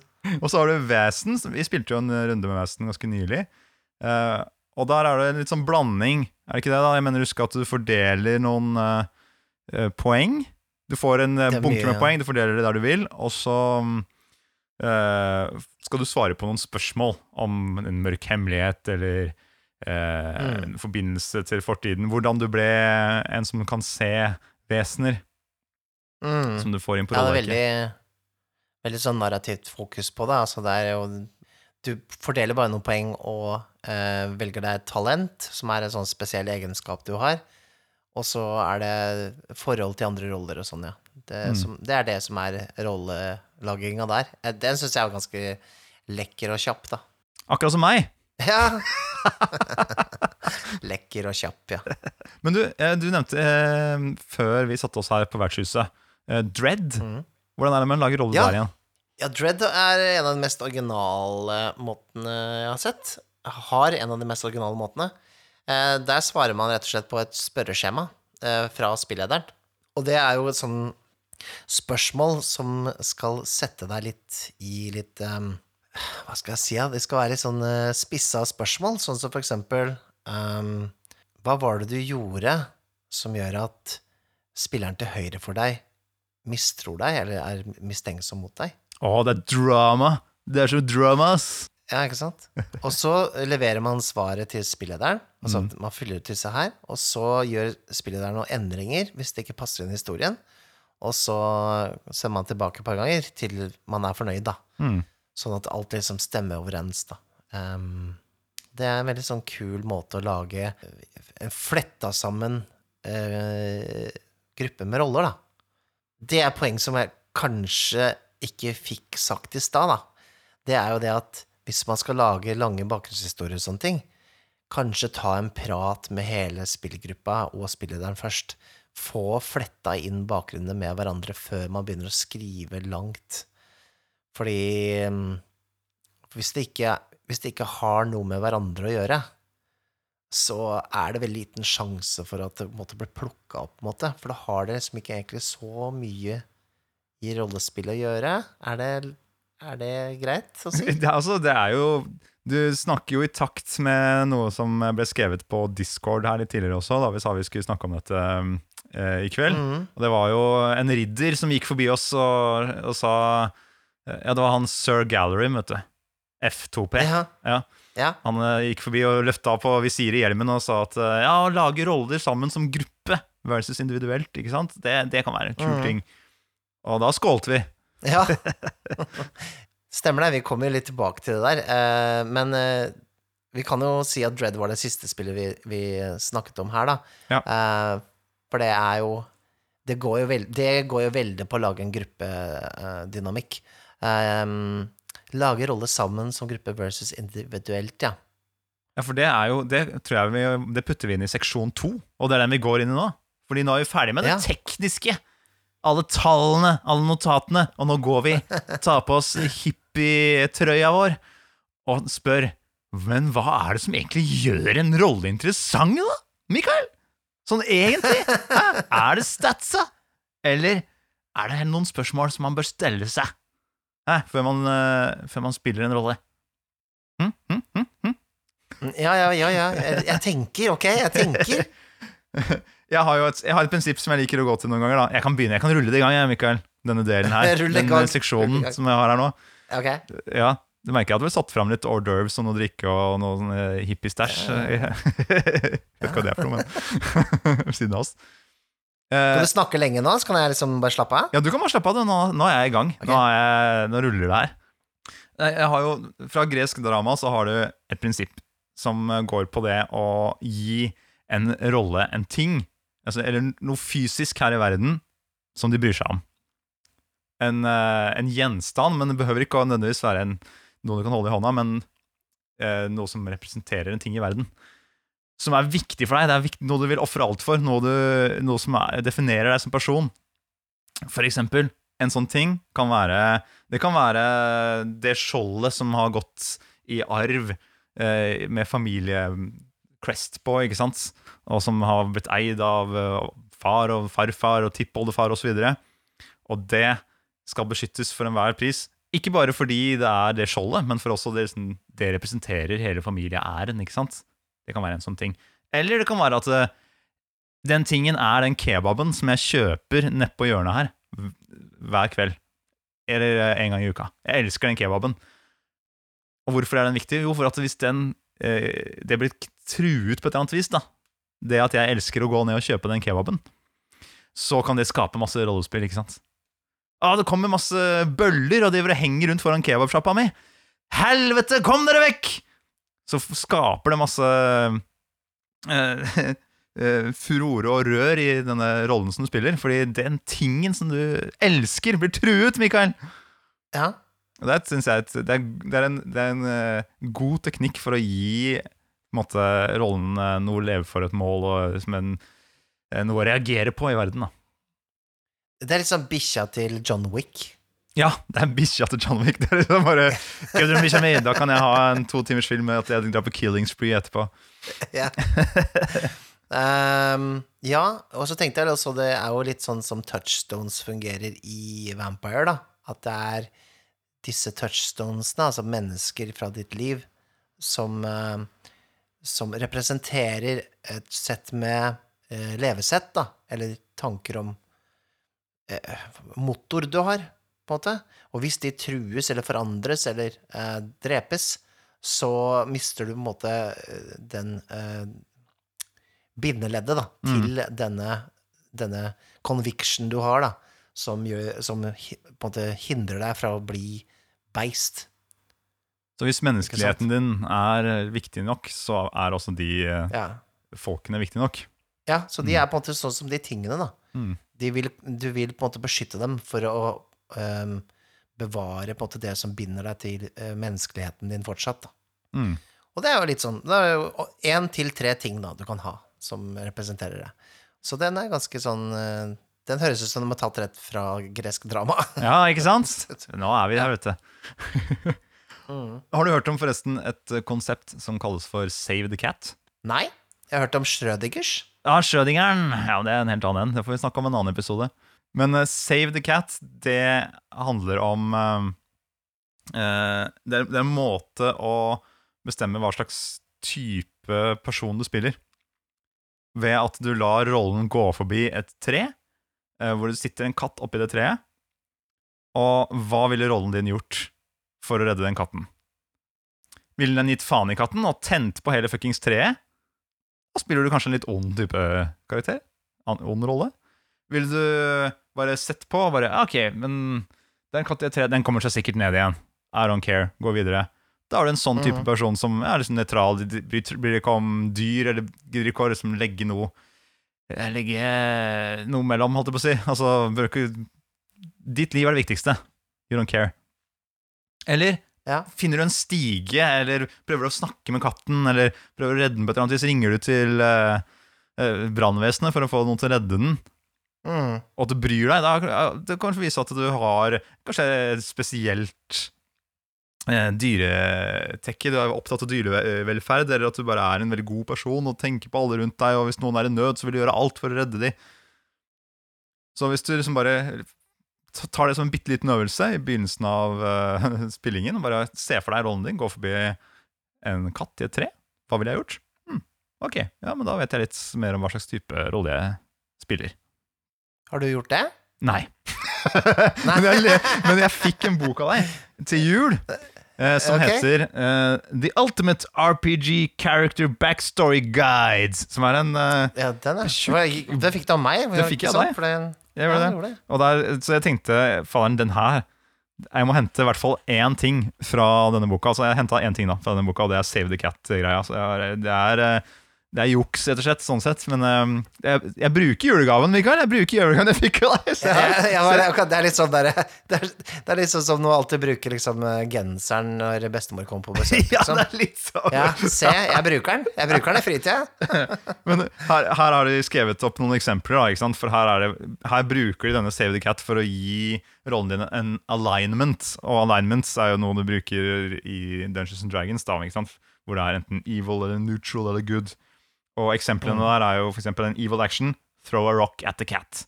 En neutral action feel guilty that you don't have time to help the cat. Eller uh, say hey cat, get down here. Og så hvis den ikke gjør det, så eh, ok. Og så er det good action. Find a ladder to rescue the cat. Eller battle the horde of undead terrors who caused the cat to be in the tree. Ikke sant? Ja. Ja, men du har jo Det, det minner meg litt av sånn Voight Kampf-testen fra Blade Runner. Hva? Hvis du husker den? Nei. Voight Kampf. eh, det er fra Blade Runner, hvor de, for å sjekke om folk er roboter eller ikke. ikke sant? Ok. Replikanter. Så er det sånn derre Du ser en eh, skilpadde ligge på, eh, på ryggen i, eh, i sola eh, og krabler, prøver å komme seg på, over på andre Altså rulle rundt, da. Hva Mm. gjør du? Og så er det liksom for å eh, De skal finne ut da om det er, de reagerer med empati eller ikke, da. ja, nettopp. Eh, så det er jo en slags empatitest, dette her. Mm. Og litt sånn Alignment-systemet er jo Det er jo litt svakt. Ja. Man kan jo si det. Og det, det, det syns til og med folk som spiller 50 edition, at det er liksom Det er en sånn relic of the past, på en måte. Det har egentlig aldri vært så veldig bra for å beskrive roller, men det handla mer om en sånn kosmologisk tilhørighet, eh, egentlig. ja, det, skal vel, det kommer vel inn med reglene et eller annet der, gjør det ikke det? At uh, du kan se Det er vel noen spells som gjør at du kan se ting som er godt eller ondt, for eksempel, da. Så kanskje lyser det opp de onde rollene i gruppa di, da. Hvis du, du hva er ondskap? Det er jo noe mer kosmologisk enn faktisk Altså, hvis man eh, på en måte eh, analysere ondskap, da, hva er det, liksom? Mm. Eksisterer faktisk ondskap i seg selv, eller er det bare personlighet? Det er sånn eh, I et spill hvor ondskap faktisk er en ting, når du har onde raser og sånne ting, så, så er det liksom en kosmologisk ting i større grad, da. Og Mm. da syns jeg at et alignment-system fungerer. Men kanskje i moderne fifth edition og sånne ting, så blir liksom Det er litt så rart å stappe en personlighet ned i alignment, på en måte. Ja, jeg, jeg har eh, prøvd å bruke det. Eh, Jeg mener jeg husker at jeg, jeg, jeg leste over det og sånt nå, og skulle plassere rollen min der, så jeg sleit med det, ja. Det er bare fordi ja, det, ble, det føltes som å skulle hamre liksom en skikkelig en sånn hard ramme rundt den rollen. Da. Og det, jeg det, altså, jeg dreit vel egentlig bare i det, tror jeg, til slutt. Det er liksom sånn eh, når kristne sier at eh, Ja, men eh, ateister, de, de har jo ikke noe moralsk kompass. Ja, jeg ikke sant? det er litt det samme greia. det er jo ikke sånn Ja, men hvis du ikke har alignment, så har du ikke spill et moralsk kompass. Du har jo det. For du lager jo en rolle som har meninger om hva som er eh, riktig og feil, da. Ja. Og så er det jo den derre eh, engelen, den gode engelen som kommer fra himmelen og utsletter en hel by fordi det bor en demon under den byen. Ikke sant? Masse uskyldige folk. Mm. Er det en god handling? Stoppa den største demonen på jorda, men Ikke sant? Det er jo et veldig bra spørsmål, da, Mm. med tanke på sånn Save the Cat-sammenheng. Mm. Men det er jo såpass vanskelig, vanskelig spørsmål at du aldri blir ferdig med å lage bakgrunnshistorien. Nei, ikke sant? Det ble en bra kveld i kveld. Dere sitter og diskuterer filosofi og tar seg et godt glass med vin. Kan være fint, det. Ja. mm. Men det var, jeg likte den Save the Cat, altså. Den var fin. Den Ja. var fin. Eh, Det er et veldig enkelt spørsmål. Jeg føler ikke det, det, det er så mye Man får litt ut av det, men man, man, det er vanskelig å definere en hel rolle ut ifra det. Men kanskje for å finne alignment, så tror jeg det er en bra måte. Ja. Jeg har også sett en annen eh, metode som er også bare sånne små spørsmål. da igjen. Jeg Fortsetter på den. At eh, Mhm. eh, du kan beskrive en liten ting som sier noe om hele rollen. Og det her mener jeg at jeg leste på kanskje Reddit eller noe sånt for lenge siden. Men det er eh, et spørsmål som er hvordan ser skoene til rollen ut? Oi. Og ut fra bare beskrive skoene til rollen i detalj, så godt du kan, eh, så kan du si ganske mye om rollen. Ikke sant? Og, som spilleder så kan det hjelpe deg på vei hvis du har lyst til å bruke dette spørsmålet. Fordi du kan si eh, Nei, det er noe sorte lærsko. Ja, er de skitne eller rene? Ja, de er rene. Er, det, hvor, er de veldig rene? For det er jo et sånt gjørmete middelalderopplegg vi går i her. Ja, de er faktisk veldig rene. Ok, ikke sant? Da, så da, det betyr jo at da spiller du en rolle som tar veldig godt vare Prøver å være renslig og vaske seg og passe på tingene sine mye. Mm. Uh, ikke sant? Er det masse lisser? Er, det, er de lissene litt flisete i tuppen, selv om de er veldig rene? Oi, ikke sant? Ja, kanskje de er velbrukt, disse skoene. Betyr at du kanskje ikke har så mange par. Kanskje sier noe om hvor rik du er. Det er veldig mye du kan eh, begynne å utbrodere, da, bare ved å gå dypere og dypere dypere ned på hvordan denne skoen ser ut. Er det Ja. sålene slitt ned nesten til bunnen? Har du vandret i 10 000 mil for å komme akkurat hit akkurat nå? Ja, og så er det om det er uh, Uggs, eller om det er Sherrox, eller om det er eh, Nike, eller hva det er, da. Sier litt om stilen din òg, mener jeg. Jeg hørte en sånn mor eh, en gang eh, da jeg gikk gatelangs i Valdemar Tranes gate. Og så husker jeg Jeg bare hørte hun sa til kiden sin sånn derre For det var sånn derre hva skal man beskrive det været som? Det var sånn der sørpe. Ja. Jeg bare Ja, Jenta mi, det været her, det er Uggs verste fiende. jeg så på den der sørpa og de skoene og bare nei, nei, nei. Det er no good. Men det er no good, ja. ja. Ja, for det er jo det òg. Er du liksom fashion over uh, practicality, holdt jeg på å si? Eller hva? Ja, nettopp. Altså, hva, hva er det du går for? Ja, ja, det, det er jo kult. Det, tvinger deg på en måte til å se på et annet Altså, det er jo såpass uh, Det å se på skoene sine er jo på en måte Det er jo veldig et annet fokus da enn man vanligvis har, så kanskje det er en fin måte å tvinge fram litt personlighet. Mm. Hvis du Mm. tar en runde rundt bordet haha, og så beskriver alle skoene sine, så tror jeg alle plutselig sitter med et eh, ganske godt inntrykk av hver sin rolle, da. Så lenge rollen ikke bare blir skoene. Det er et rollespill, det òg, sikkert. Ja. Ellers så er det mm, et spørsmål man kan stille seg. Hva er det du legger bak deg når du reiser ut på eventyr? Du eh, har satt deg ned for å spille et eventyrrollespill, men hva er det du Når du stikker ut i hula, hva er det som blir igjen? Men så blir blir igjen hjemme. Ja, har du en jobb som du legger fra deg, og har du en, har du en som tar skiftet ditt for at du skal stikke og utforske hula di? Eller er det et forhold? Hadde du noe på gang, men så ah, fanken, jeg må drepe en drage. Så da må det stå på vent. Det er jo litt sånn i, i um, en del, del spill som har litt mer Hva skal jeg si eh, fokus på sånt, da, så er det jo hjemmet ditt. Hvordan ser hjemmet ditt ut? Det sier jo så mye om rollen, det òg. Altså hele hjemmet, da. Um, hva slags møbler har du? Er det rotete? Er det Hva slags bilder har du på veggen? Ikke sant? Mm. Hva er det du måte For det, for det sier jo mye om personligheten din, uh, og hvordan du har det. Hvordan det ser ut hjemme. Ja. Liker du å være hjemme? ja, ikke sant? Mm. Er det derfor du er på eventyr? Har du en liten katt som ligger og gjemmer seg et sted der? Ja. Ja. ja det ble, det ble dypt, dette. ja, det er så djupt at eh, jeg ser nesten Jeg ser ikke bånd. Det er langt Nei. ned. Ja. Eh, Men det her, altså, det her er jo masse sånne småspørsmål da, som er sånn derre Som kan være sånne hjelpere eh, til å finne rollen. Og det fins jo På nett så kan man jo finne sånne lange spørsmålslister som man kan fylle ut på 40-80 spørsmål. ikke sant? Som, når du har just fylt ut hele spørreskjemaet, så bare Å, shit, nå vet du alt! Alt om rollen din. Å, jeg har et tips på det. Ja. For du har jo Det, det fins jo sånne der 16 personlighetstypetester eller noe sånt. Hvor du gjør en test da, med masse forskjellige spørsmål, så får du en personlighetstype.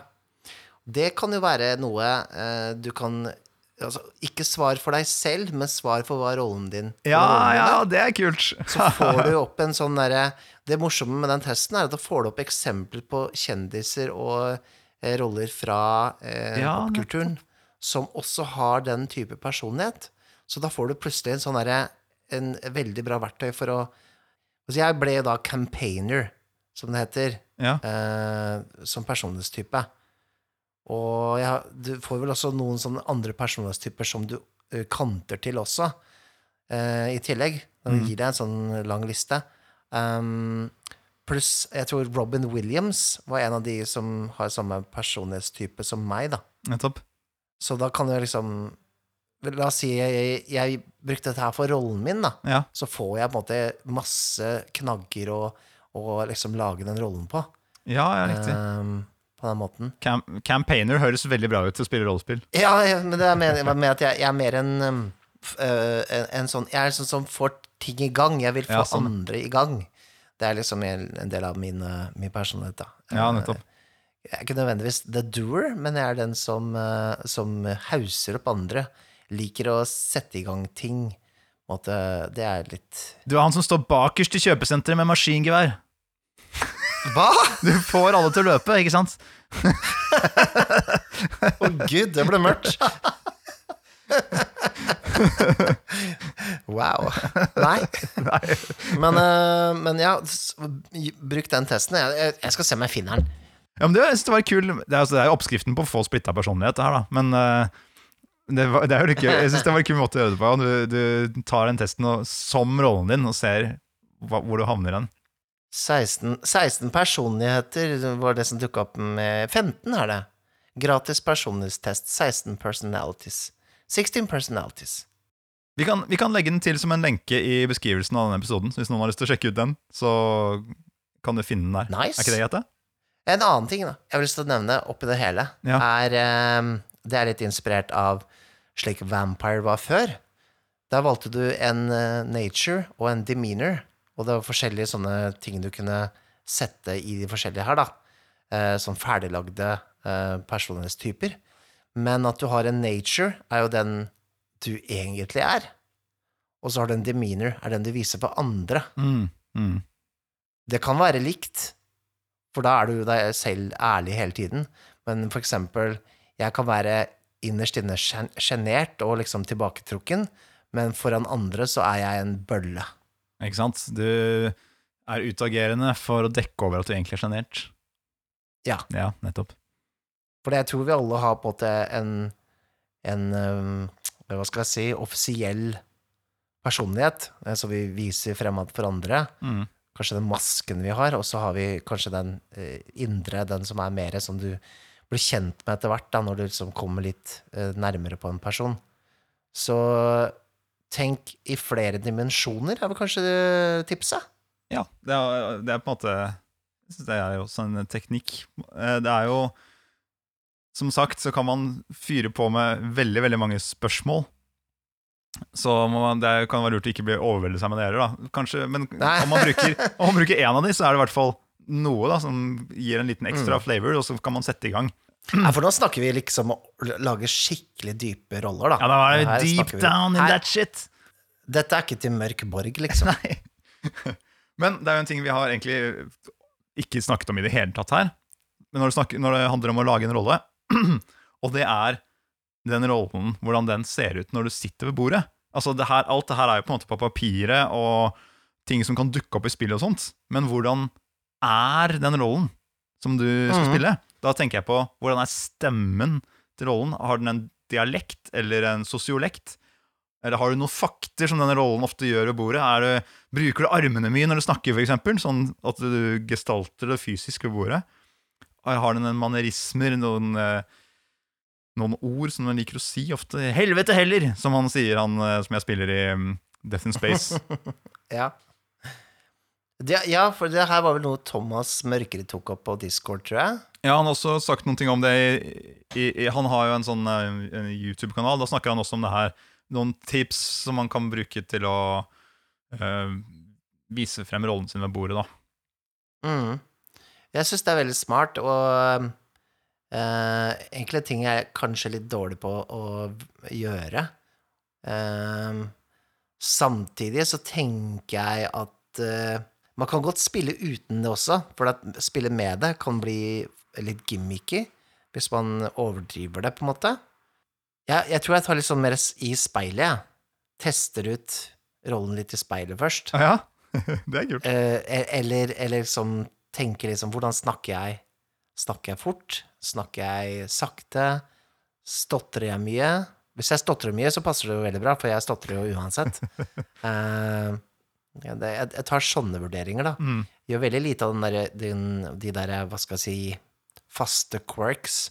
At jeg har liksom en, catchphrase, eller at jeg har eh, Ja, som du sier, sånn manerismer, da. Mm. Eh, sånn selv.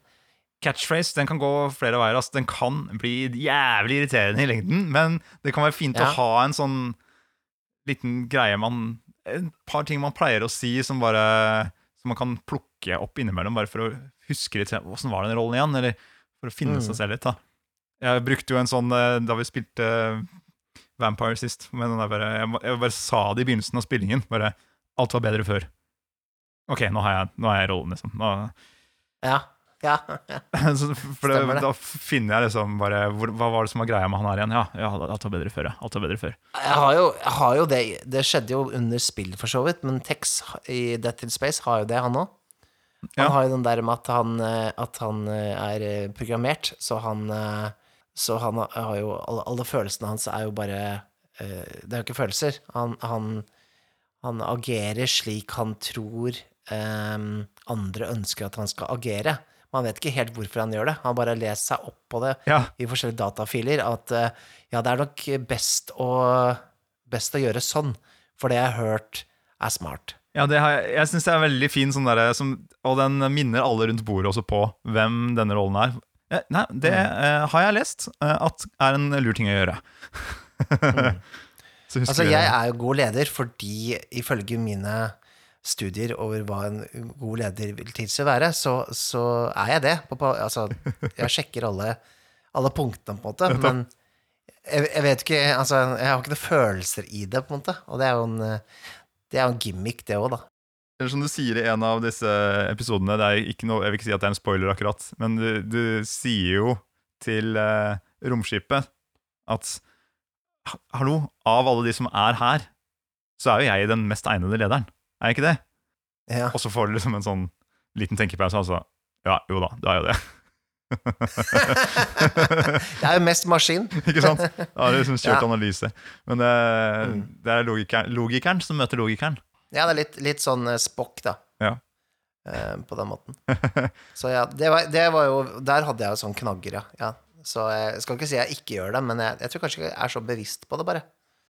Men jeg syns dette er viktige ting rundt bordet òg, fordi det det um, dette er ting som hjelper de andre rundt bordet til å Mm. spille, ikke og, og, og spille på din rolle. Fordi da kaster man litt ball. Hvis du har en som er veldig på, så kanskje du tvinger litt noen av de andre til å si Hei, nå roer jeg litt ned. Og da er de plutselig i rolle. Da har de tatt en rolle som er Hei, hei, nå roer vi oss litt ned. ikke sant? Ja. Og, og da er man i gang. Da er det jo skikkelig rollespill. Det da er det gøy. Mm, jeg er enig, enig. Mm. Og, og det er jo veldig ja, Så lenge du har en eh, komfortabel gruppe, da, så kan man jo også bruke disse tingene til å skape litt eh, drama, rett og slett. Eh, spesielt hvis man er liksom Nå har jo vi blitt ganske komfortable med hverandre, Nikolai, så vi kan jo småkjekle litt og være litt sånn gufne mot hverandre uten at vi går personlig på noe. og det, det er jo fordi vi gjerne spiller kanskje roller som er litt på kant med hverandre. Ja. Eh, for det er litt artig. Eh, og det, det syns jeg jo Jeg tror kanskje det er eh, noe man Det er litt sånn man må vente til man er litt husvarm, kanskje. Mm. Men uh, når man gjør det, så, så, så går liksom spillet litt av seg sjæl, føler jeg. Ja, nettopp. og så hvis man er glad i dialekter og sånt nå også, så kan det og, Eller man kjenner at det er komfortabelt. Det anbefaler jeg ikke å gjøre. Nei, men det kan bruke Altså, jeg skjønner at jeg, jeg skjønner at jeg ikke anbefaler det, men samtidig uh, Hvis det er en måte man uh, uh, tillegger folk personligheter på, så kan det være et verktøy for å finne en personlighet man vil ha rundt bordet. Hvis man vil være den naive eh, sørlendingen eller den eh, eh, Ja, ikke sant. Den eh, brautende nordlendingen. Så Mm. kan man finne den ganske fort, da, hvis man kanskje bruker en dialekt. Ja, Det var bare at jeg er så dårlig på dialekter. Nei, du er jo du er så fin på Jeg er altså. kjempedårlig på det. Eh, Jeg skal være han, eh, han fra Stange eh, under hele den Cthulhu Dark-spillinga. Så ble jo det innmari slitsomt å opprettholde. Så, men hvis du er veldig god på dialekter, eh, så er det kult. Sånn som Carita i Kids on Bikes, der var, kjøpte jo hele den dialekten. hennes. Ja, nettopp. Ja, men det, jeg, jeg, jeg nevner det også fordi det er jo faktisk en av da, min eh, hustru sin eh, metoder for å ja, finne ut hvem rollen er, da. Og prøve seg kanskje litt på en dialekt. Og, eh, og når man spiller det inn på en podcast, så er det annerledes. Da må man jo holde seg virkelig til den dialekten. Men hun, Ja. hun bruker det noen ganger bare for å finne rollen litt, og så kanskje Mm. kaste dialekten senere. Men da har, har det vært en, et hjelpemiddel for å, for å finne veien, da. Bør jo helst holde deg unna litt sånn derre Litt eh, aksenter og sånn kan jo fort bli ganske rasistisk, da. Bare velg riktig aksent. Fransk aksent kan, det, du komme- kan du gjøre, da. Ja, det kan du for så vidt gjøre. Det går bra. Mamma mia, pizzeria. Det går bra. Er det din franske aksent? Nei, sa du fransk? Jeg vet Ok, blø, blø, blø, blø, blø. Blø, blø, blø, blø, Hva er det du snakker om? Ja. Eh, ja, ja, ok, greit. Ja, du sa italiensk, ja. Men det er greit. Men, ok, la oss, skal vi prøve å oppsummere det her litt? Eh, For da har vi snakket om ganske Ah. mange forskjellige eh, både tekniske metoder og eh, bakhistorie og ting man gjør ved bord og sånt. Kan ikke du, Mhm. hvis du skal liksom bare nevne kjapt din metode, da, det kommer noen eh, og lurer på hva var Mikaels metode? Nå har du hørt på denne episoden om å lage rolle. Hva er favorittmetodene og go to-tipsene til Mikael? Åh, gud, nå har vi vært hjemme så mye. Det handler jo veldig om spillet, da. Men jeg, jeg, jeg har blitt mer glad i sp eh, rollespill som det går fort å lage roller i. Mm. Um, hvor på en måte det er mer brede strøk i hvordan reglene selv beskriver rollen, men hvor det er plass selv til å tolke og lage det rundt, da. Så der syns jeg for eksempel uh, Death in Space da, var veldig bra, for der er det fire stats, og resten er vel strengt tatt um, litt sånn brede bakgrunnsting. Mm. Og resten fyller du inn sjøl. Det er litt sånn jeg kan, jeg kan sammenligne litt som det var å spille dataspill på 80-tallet. Eh, Det var ikke noe bra grafikk, men den dårlige grafikken gjorde at man fylte inn liksom det derre mellomrommet eh, bedre, da. Ja, nettopp. Eh, Sånn at du forestilte deg på en måte slagmarken. Mens i Call of Duty eh, 2022, liksom, så er det liksom Det er veldig bra å se på, men du har ikke noe fan, det er ikke noe fantasi som legges til, da. Mm, nettopp. Så sånn sett så syns jeg kanskje at hvis man har et spill som på en måte er veldig dypt på liksom det å lage bakgrunnshistorie i reglene, så kan det nesten være litt kvelende i forhold til et spill som her har um, Altså, hvor det er mer plass, da, til å fylle inn disse tomrommene. Ja, så for, for deg så vil det være en litt sånn eh, en, en, en skisse som blir tegnet ut etter hvert som du spiller. Lag en skisse, og så tegn den ut etter hvert som du spiller. Ja, eller så er bakgrunnen Den bakgrunnen eh, De reglene som Det du får fra bakgrunnen, da, er mer spørsmål som du må svare på, Mm. som hjelper deg videre. Ikke sant? Eh, eksempelvis, da, eh, hvis du ruller på en tabell, da, så sier det Du, eh, du er på rømmen eh, i eh, Du er liksom ettersøkt i tre galakser, og så står det ikke noe mer. Det er sånn Å ja, hvorfor det, liksom? Ja, det, shit, det var den greia. Det var det som skjedde da jeg måtte Og jeg gjorde den jobben bare fordi jeg måtte, fordi familien min eh, eh, liksom var kidnappa eller et eller annet sånt ting. Så, eh, og jeg prøver på en måte å finne en god nok advokat da, i, i universet som, som kan liksom støtte meg. da. Altså, ikke sant? Hvor det videre spørsmål for å, å, å, å drømme videre, da. Mm. Sånne ting tror jeg nok jeg er mest glad i. Ja, kult. Da kan jeg komme med min på en måte Den metoden jeg oftest bruker, eh, og som er mitt tips også, hvis, jeg skulle bare, hvis noen skulle spørre meg, eh, det er Hva er hovedkonseptet til rollen? Altså, veldig enkelt forklart. Hva er hovedkonseptet til rollen din? For eksempel, er du en trigger-happy alv? Er du en gambler-dverg som elsker kunst? Er du en jeger som jakter på gode opplevelser? Eller hva er greia di, ikke sant? Så det, det er i hvert fall sånn jeg lager som hovedrollen, bare med det spørsmålet. Hva er, liksom, hva er greia? Og så er det liksom to ekstra spørsmål, og det er hva er en forbindelse rollen har til en av de andre rollene som skal være med? Mm. Sånn at man har et eller annet å jamme litt med ved bordet. En eller flere, da. Gjerne alle. Altså at man har en eller annen forbindelse. Men øh, i hvert fall én, da. At man uh, har, er brødre, for eksempel. Eller at man Jeg hjalp deg opp av myra en gang, og så skylder du meg en tjeneste, ikke sant. Og så den ene som jeg snakka litt om i stad, og det er det derre Hvilken fysisk ting her i verden er det som er viktig for rollen? Ja. Det tror jeg vil øh, oppsummere med. Jeg er enig i de to første. De, de skal jeg gjerne hatt med, jeg også, men den fysiske tingen er ikke så det for meg. Men eh, jeg syns det absolutt. Det er jo liksom en trinket. eh, det var kult, det, altså. Mm. Ja, det, du kan bruke det eh, på en vid måte eller på en smal måte. Men eh, Mm, jeg syns det kan være en kul måte å, å komme litt inn i, i et konsept på. kult. Men, men du, det er ikke Jeg ser ikke noe papyrus her i dag, men det står eh, Vi kan gå bort til oppslagstavla. Skal vi se på den?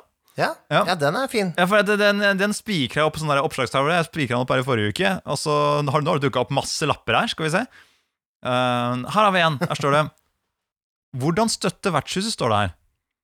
Uh, og her står Ja. det under, skal vi se uh, En god metode å støtte Det er noe sånn Patrion-greie. Nei, nei, det står noe annet her. Skal vi se. En god metode å støtte oss på er å anbefale podkasten videre til en venn, slik at vårt glade rollespillbudskap spres viden om i hver avkrok av Noregs land. Ja, det jo hyggelig. da. Ja. Ja. Det, det var jo ålreit. Ja. Det var Ikke noe snakk om å bli Patrion i det hele tatt. Nei, det var jo ikke det. Men det står jo på oppslagstavla her at vi har fått en ny patron. Det er jo superhyggelig. Og vi ønsker Ja. velkommen Han sitter faktisk litt lenger inne i lokalet her. Eh, Bjørn. Velkommen skal du være. Og han sitter jo Jeg, jeg trodde det var en bjørn med en gang, for han, det var et sånt svært bjørneskinn han hadde på ryggen, med sånn hodet oppå toppen av huet. ikke sant? Det er ikke en bjørn, det er en bærserk. Ja, det var det. Det er en bæsjerk som har kommet inn. Han drikker et digert eh, krus med mjød, like stort som han sjøl. Ja. Det knasker eh, på eh, fleinsopp mens han drikker den ølen. Ja. Men oi, her er det noe! Det er et brev her som har stifta fast. Det står 'Munkenytt' står det på den. Har de starta med nyhetsbrev nå? Jeg tror det. Skal vi åpne den og se hva som skjer? Oi, shit, det er sånn som spiller musikk, jo!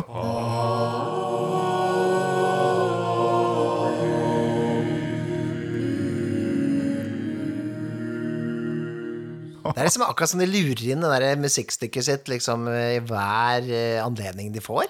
ja. Men de er noen luringer, de munkene. Det er det som er. Skal vi se hva det er som står her, da. Her står det eh, Bli med på RSN. Eh, hva, hva står det for RSN? Rollespill på norsk. Sin Spilljam. Spilljam.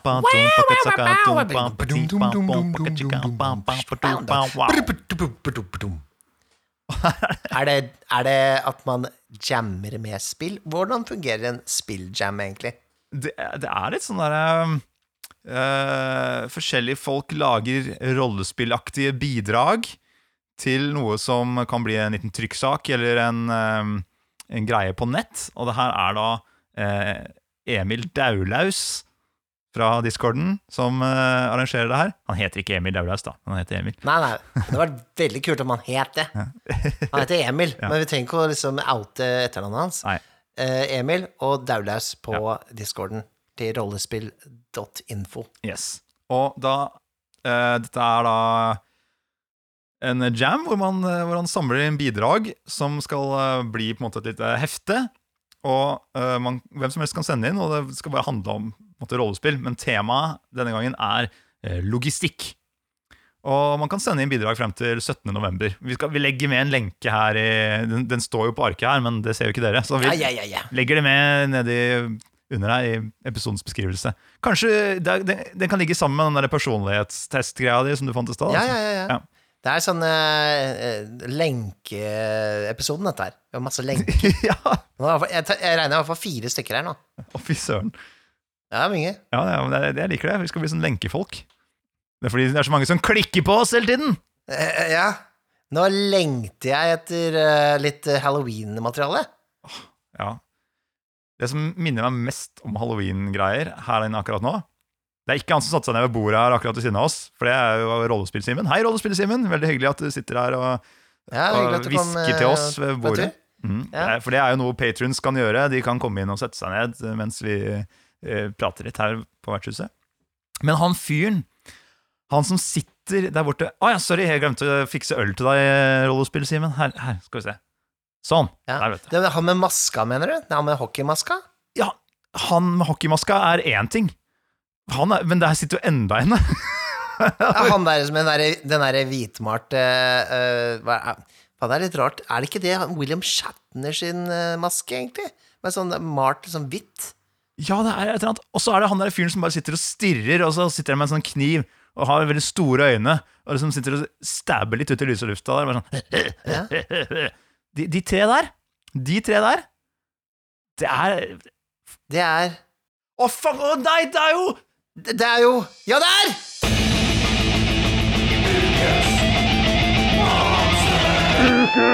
Ukens monstre!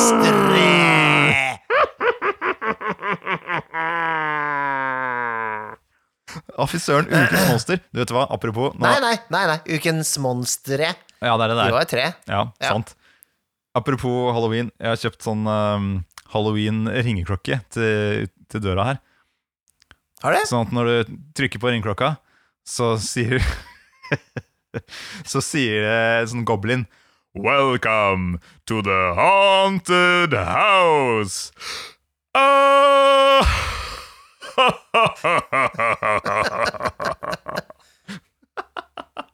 Det er kult. Det er kult. Ganske. Det er veldig kult. men det som skjer, er at alle ungene i nabolaget De vil ringe på den hele tiden. Så de flyr rundt. Å nei!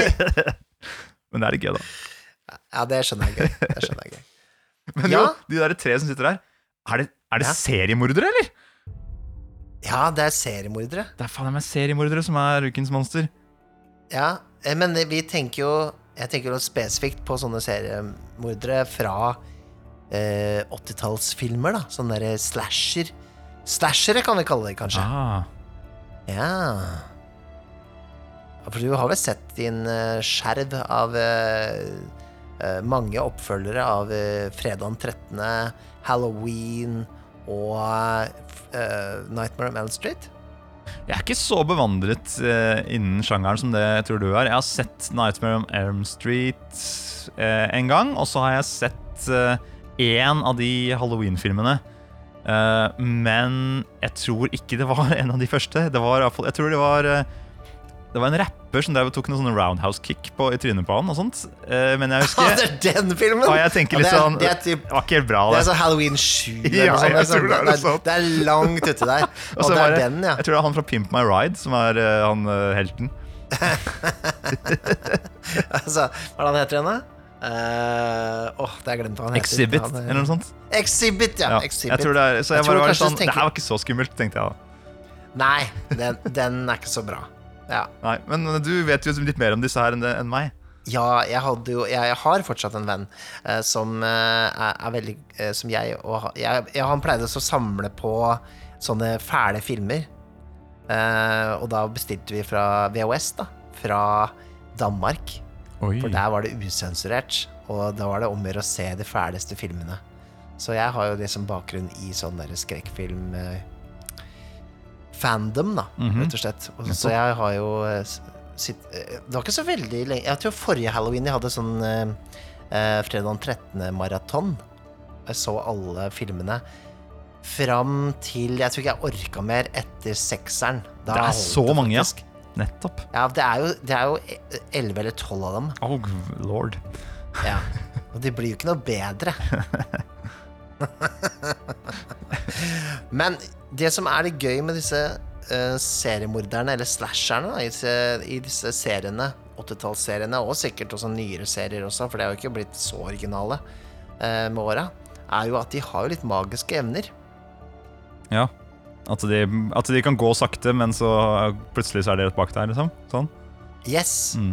De, de er jo de De tjener på en måte skrekken. Mm. Ikke sant? De tjener øh, øh, skvettinga, da. Sånn at du de kan Ja, ikke sant? De går alltid, men når kameraet ikke er på dem, så forflytter de seg kjempefort. Eller teleporterer, da. Da kan de være hvor som helst. Og er de da egentlig levende, eller er de bare en slags sånn fantom, på en måte? En slags sånn persono, personifisering av en eller annen frykt. Ja, det der, er, det der er det som ikke gjør det så skummelt for min del. Men uh, ja, Og, og Ja. Freddy Kruger også. Jeg gjør ikke at Han er jo ikke seriemorder sånn i den, i den forstand. Han er, han er jo i drømmeland, er han ikke det? Altså, han, Ja, han, han dreper folk i drømme, ja. ja, jo, Så du kan jo ikke sove. mm, ja, Det er jo også det er jo ganske skummelt, da. mm, Syns jeg, da. ja, Og så har du Så har du Chucky, bare dokka. ja. Eller Annabelle, da, for den saks skyld. Uh, så, så ja, det er mye der å hente, det er det jeg mener, da. Hvis du skal ha et skrekkspill. Hente fra liksom disse tropene. Eh, Mike, Michael Myers fra Halloween, eksempel, han, han dreper jo helt uten samvittighet i det hele tatt. Så han er jo Han, han bare tar jo Bare tar folk, han. ja han skal bare, skal bare ta dem. Det er, det er ikke noe Det er ikke noe vanskeligere enn det. Nei, og så, altså, så tåler de jo alt, da. De overlever jo alltid. Eller de tåler jo eh, 40 skudd og kommer alltid tilbake på slutten på en siste sånn derre Et siste hugg. Ja. Uh, for liksom eh, avslutte det hele. Så hvis du skal spille rollespill i kveld, da, så kanskje du kan ta inspirasjon fra noe av dette? det, er, det er i dag det gjelder. ja, ja, det er jo sant, det. Men, men det, er- det er noe med den der som aldri stopper. Som er Ja. eh, at eh, liksom, Shit, det går, det, hva, hva er dette for noe? Det, vi hugger og hugger og skyter og skyter, men liksom, den bare keeps coming. Den, eh, den er den, den kan være litt skummel, den, ja. Men jeg syns jo Jo mer eh, ekte seriemorderen er, desto skumlere. Selvfølgelig. Ja, Så, det er klart, det. det kan, få, det kan bli ganske eh, heftig at man eh, går inn i en sånn derre Man tror det er noe overnaturlig eller noe skummelt, og så bare Å, shit, det er en ekte crazy person som er ute og skal ta oss med machete. Men han, og han er et vanlig menneske, men han bryr seg ikke om at han blir skutt, på en måte. Mm, det, er- det, det, det har ikke noe å si, nei. Nei. Er det, er det noen som har liksom prøvd å spille DOD med litt sånn slasher-elementer? Altså, jeg, jeg vet ikke om Halloween Altså, Ravenloft, det, har- det har jo litt sånn gotisk horror. Mm. Men eh, typ sånn derre en sånn At det er én fiende, så du går og tar folk av dage. Og gjerne én rolle per session. det er kult. Kan ikke stoppe den på vanlig vis. Du må eh, finne liksom riktig løsning, da. Ja, men det kan være ganske Det er en kul uh, halloween-spilling, det. At uh, ja, dere har spilt kampanjen en stund, og dere holder til i en by og sånt nå, og så uh, kommer det en tåke over den byen, og, og folk blir drept hver time. Så dukker det opp et Ja. nytt lik, noen dere er godt kjent med i byen. Den pubverten som dere alltid går til, og som har blitt så kjent med, han ligger dau. Bare å, fy faderen, ikke sant. Så er det lik på lik, og så Mm. begynner rollene, ja. På slutten av kvelden, og så begynner de å gå. Kanskje det viser seg å være Hafling-Harald? Det kan hende. Der, der, der. Hvem er Hafling-Harald, egentlig? Hæ, hvem er det? da? Ja? nå er rollespillsimen Han sånn skjøv en sånn derre pamphlet bort til oss på bordet her. Fra han som han hadde gjemt under den der svære seidelen sin. Og her står det jo. Her står det. Det er ganske kult. Her står det. Hafling-Haralds heseblesende aften. Et farefullt Dungeons and Dragons liveshow! Fredag 11. november. Kun på SpillExpo. Oh shit! Oh shit! Det her høres gøy ut. Oh, hell! Wow. Og så står det her Tre intetanende helter våkner opp og innser at de er med i et komisk dødelig gameshow, hvor den sleipe programlederen Hafling-Harald gjør alt i sin makt for å stoppe dem. Det høres ut som eh, litt halloweenstemning, det, da. Ja, det gjør det. Ja. Eh, Siden det er ute i november, da. Jeg visste, Men, ikke, jeg visste eh, ikke at uh, Hafling-Harald var seriemorder, han òg. At han, uh, det, han er blitt med inn sammen med alle disse andre seriemorderne. Ja, ja, ja, ja. Jeg ser for meg, jeg ser for meg franchisen, liksom. Hafling-Harald 1, 2, 3, 4, 5, 6, 7, 8, 9, 10, 11, 12. Ja. Han ser så jovial ut. På et tidspunkt så er det Hafling-Harald in space og Hafling-Harald in the hood. For det skjer alltid med disse seriene. Ja, det er sant, det. Du utvider konseptet. Ja, på et tidspunkt så er det i space. Men han Hafling-Harald, han er jo da eh, på en måte en slags eh, Ja, en rolle som har blitt skapt av eh, Rollespill-Simen. Og han, han er Han er liksom omgitt av mystikk, føler jeg. Han ser så jovial ut og har et sånn koselig, litt eh, slørete blikk, eh, og kanskje litt flørtende blikk også, som han sender ut til publikum. Men det at han gjemmer 10 000 kniver i den der buksa si, det skal det ikke være tvil om. Som han skal stabbe folk med. Fy fader! Ja, det, er sånn, det er sånn de tar deg. Det er Ja. sånn den tar deg. Det er rohypnol i bukselommene. Uff da. Må jeg klippe deg, da? Faen, Nikolai. Jeg vet ikke, jeg. Du kan ikke ødelegge branden til Simen. Nei da. Nei, han er altså han, er, han er bare en hyggelig, jovial kar. Han er jo det, er ikke det? Ja. Ja. Vi kan jo også nevne da at eh, på fredag uh, Nei, fader. Det har allerede vært når vi, det her kommer ut. Jeg kan ikke reklamere for det, Simen. Det som skjer på fredag. For dette kommer jo på mandag. Ja, sånn er det. Da vil jeg si at uh, ja, på fredag så hadde Grip Terningen en eh, innsamlingsaksjon, eh, skråstrek eh, livespilling med Rollespillsimen. Det gikk visst bra. Ja, Det gikk, det gikk kjempebra. Skal vi si det? Det er gøy. Det gikk dritbra. Det var, det var ingen tekniske problemer. Nei. Det var helt topp knall. Også, de, alle de kule kommentarene rollespillsimen kom med. da. Det var ingen dødpauser. Alt gikk på skinner. Ja. Ja, og tenk at purken kom på slutten der og arresterte dem alle sammen. Det var jo i hvert fall Ja. Ja, vi dropper den delen her, da. Nei, alt skal med. Alt skal med, Mikael. Men du, hva skal vi gjøre med, hvordan skal vi kvitte oss med de seriemorderne her, da? Nei, det er vel det eneste vi kan gjøre, er vel å sensurere dem bort, da. For det er jo det som skjedde på 80-tallet. Det var jo bare å klippe bort hele jævla greia. Hver gang det skjedde noe. Det er en veldig god idé. Vet du, vet du hvem som er skikkelig god til å sensurere? Munkene i kjelleren. Vi bare åpner opp lemmen, så kommer de ut. Ja, Hei, er det meg? Trenger dere meg? Hva med meg, da? Skal jeg være med? Nei, det er bare å masse seriemordere. Det skal vi sensurere med det samme. Kom hit, så jeg skal finne fram fjærpennen med rødt blekk. Vekk med deg og vekk med deg, og du skal ikke være her, i alle fall. Det her er PG-13. Ikke kom hit! Ut med deg! Nei, nei, nei. Ja, det her rydda de, det her rydda de opp. Å, fy Fabian, de var, de var veldig effektive, skal sies. Ja, det er jo noen av de som antakeligvis var med i den norske filmsens- filmsensur på 80-tallet, tror jeg. Ja. Ja, jeg tror det. Um, ja. ja, men det var det. Det er ferdig med både Monster og Papyrus, da. Ah, deilig. Uh, men jeg må si dette var en uh, Vil du ikke sitte her med, lenger med meg og snakke om roller? Nei, Nei, nå, nei, nå er jeg lei. Hele Gumshoe-systemet har, har brent opp, og det er ikke noe god fyr i peisen lenger. Det har blitt ukoselig, rett og slett. Det skal sies at jeg er ikke så sur på Gumshoe-systemet. Det var bare akkurat den, den greia der liker jeg ikke. Den da på at liksom Du får den skillen, og du skal få den skillen. Ikke sant? Sånn, men jeg, det, det er ikke min rolle. Jeg har ikke den skillen der. Det, det var bare det jeg er sur på. Ikke noe annet. Ja, Det er derfor det er i peisen. Sånn er det. Ja, det er jo det. Men vi kan ikke gjøre er annet enn å ønske folk en eh, riktig god halloween. Har vi Roland er jo på en måte kledd seg ut automatisk. Det er ingen kledning. Det her er mitt innerste, mitt indre, mitt jag. Nå skal ni få høre mitt mesterverk. Og så må du lage halloween-versjon av Roland sin musikk, da. Det gidder jeg ikke. Nei, jeg skjønner jeg vel ikke.